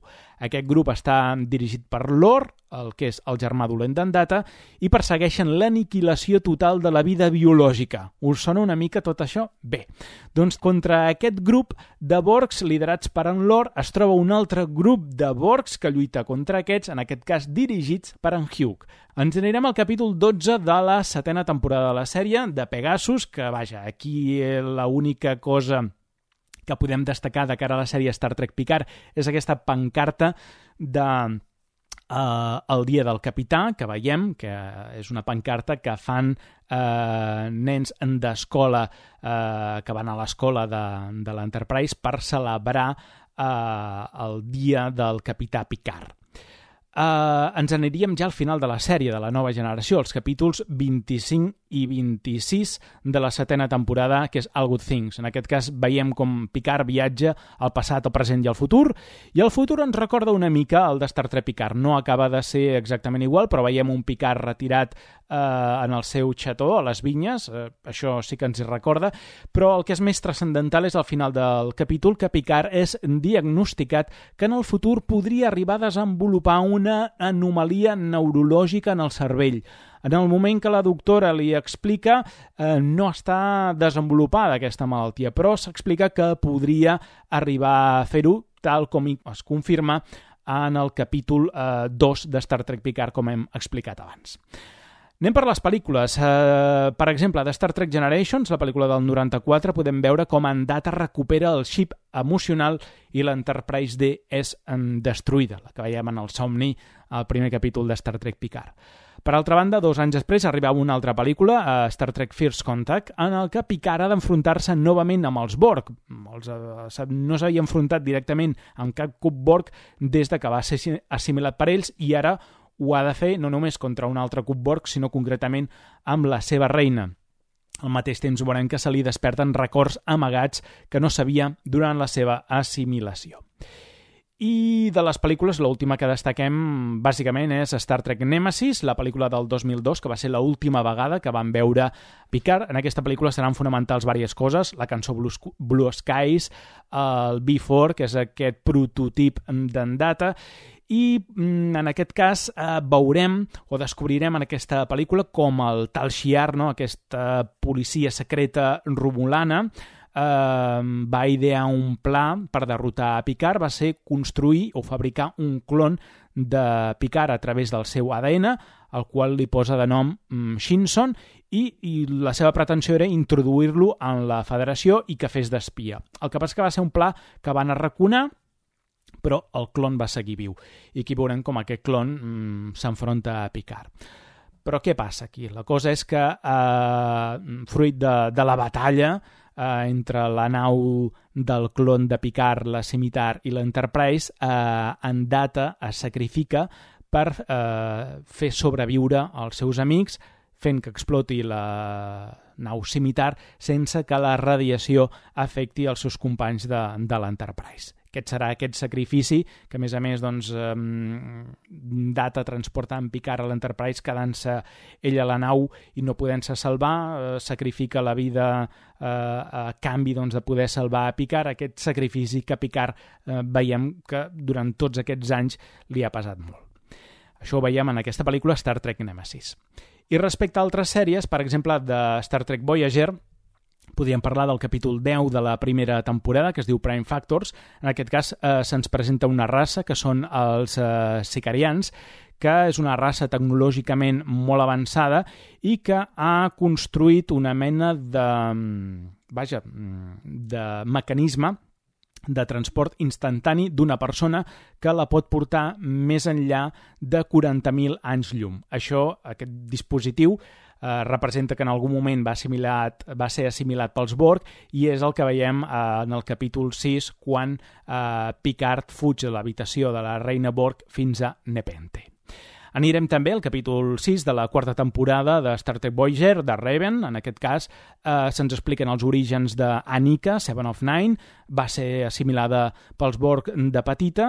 De fet, eh, els Borg la varen assimilar a ella i als seus pares en la seva nau, la Raven, 20 anys enrere, i se'ns narra en aquest capítol ens aniríem al capítol 16 de la sisena temporada Voyager, que es diu El Col·lectiu, que en aquest cas veiem com Seven of Nine es converteix en tutora d'un grup de nens i nenes Borg que aconsegueixen desassimilar, convertir-los en ex-bis. Entre ells hi trobem a Ichef, que és aquest personatge que veiem que per Seven s'havia convertit com, com un fill i el veiem morir en un flashback eh, del capítol Stardust City Rack. Uh, I per acabar amb Voyager aniríem al capítol 25, un capítol doble final de la sèrie, de la setena temporada, que porta per nom Endgame, que va ser l última aparició dels Cub Borg a l'univers de Star Trek abans de Star Trek Picard. Per tant, si voleu saber com acaben els Borg abans de veure la Picard, heu de veure aquest capítol.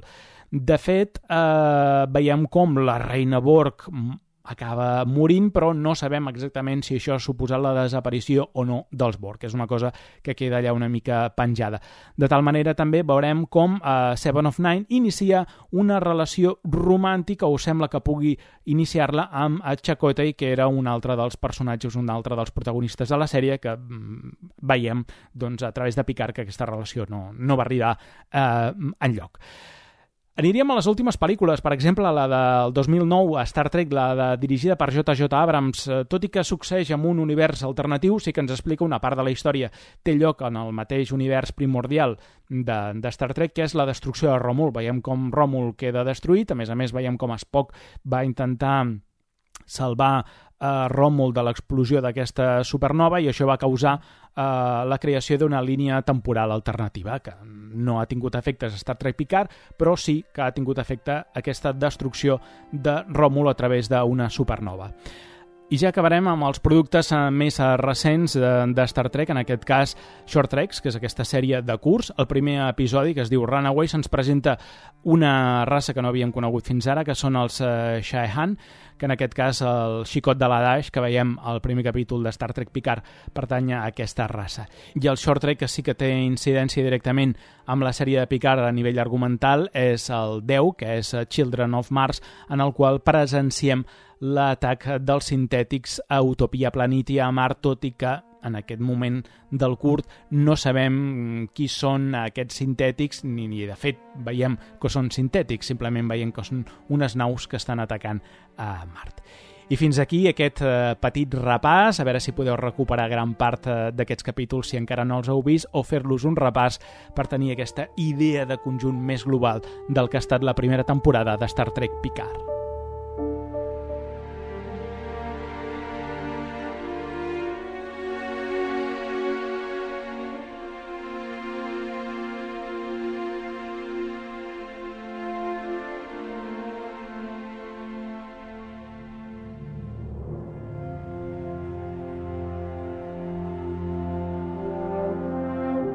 Fins aquí el programa d'aquesta setmana. Esperem que us hagin agradat aquests dos especials.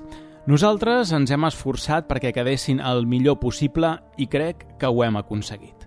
Com cada setmana us deixem amb música. Ho fem amb aquesta versió cantada per Isa Briones, l'actriu que interpreta Soji, la filla d'en Data, del tema Blue Skies, el que cantava Bren Spiner a Star Trek Nemesis i que en el primer capítol l'escoltàvem en la versió de Bing Crosby de la cançó composta per Irving Berling en el somni de Picard amb data a l'Enterprise D. Si la cançó ja ens posava la pell de gallina, la cantada per Briones, que escoltem mentre Picard recita Shakespeare i data envelleix i s'esvaeix en una nebulosa, ja ens trenca el plou. Qui us ha acompanyat, qui us parla, l'Ignasi Herbat, m'acomiado. Com sempre us dic darrerament, cuideu-vos a vosaltres i a les persones que estimeu. Quedeu-vos a casa. Ningú no és perfecte.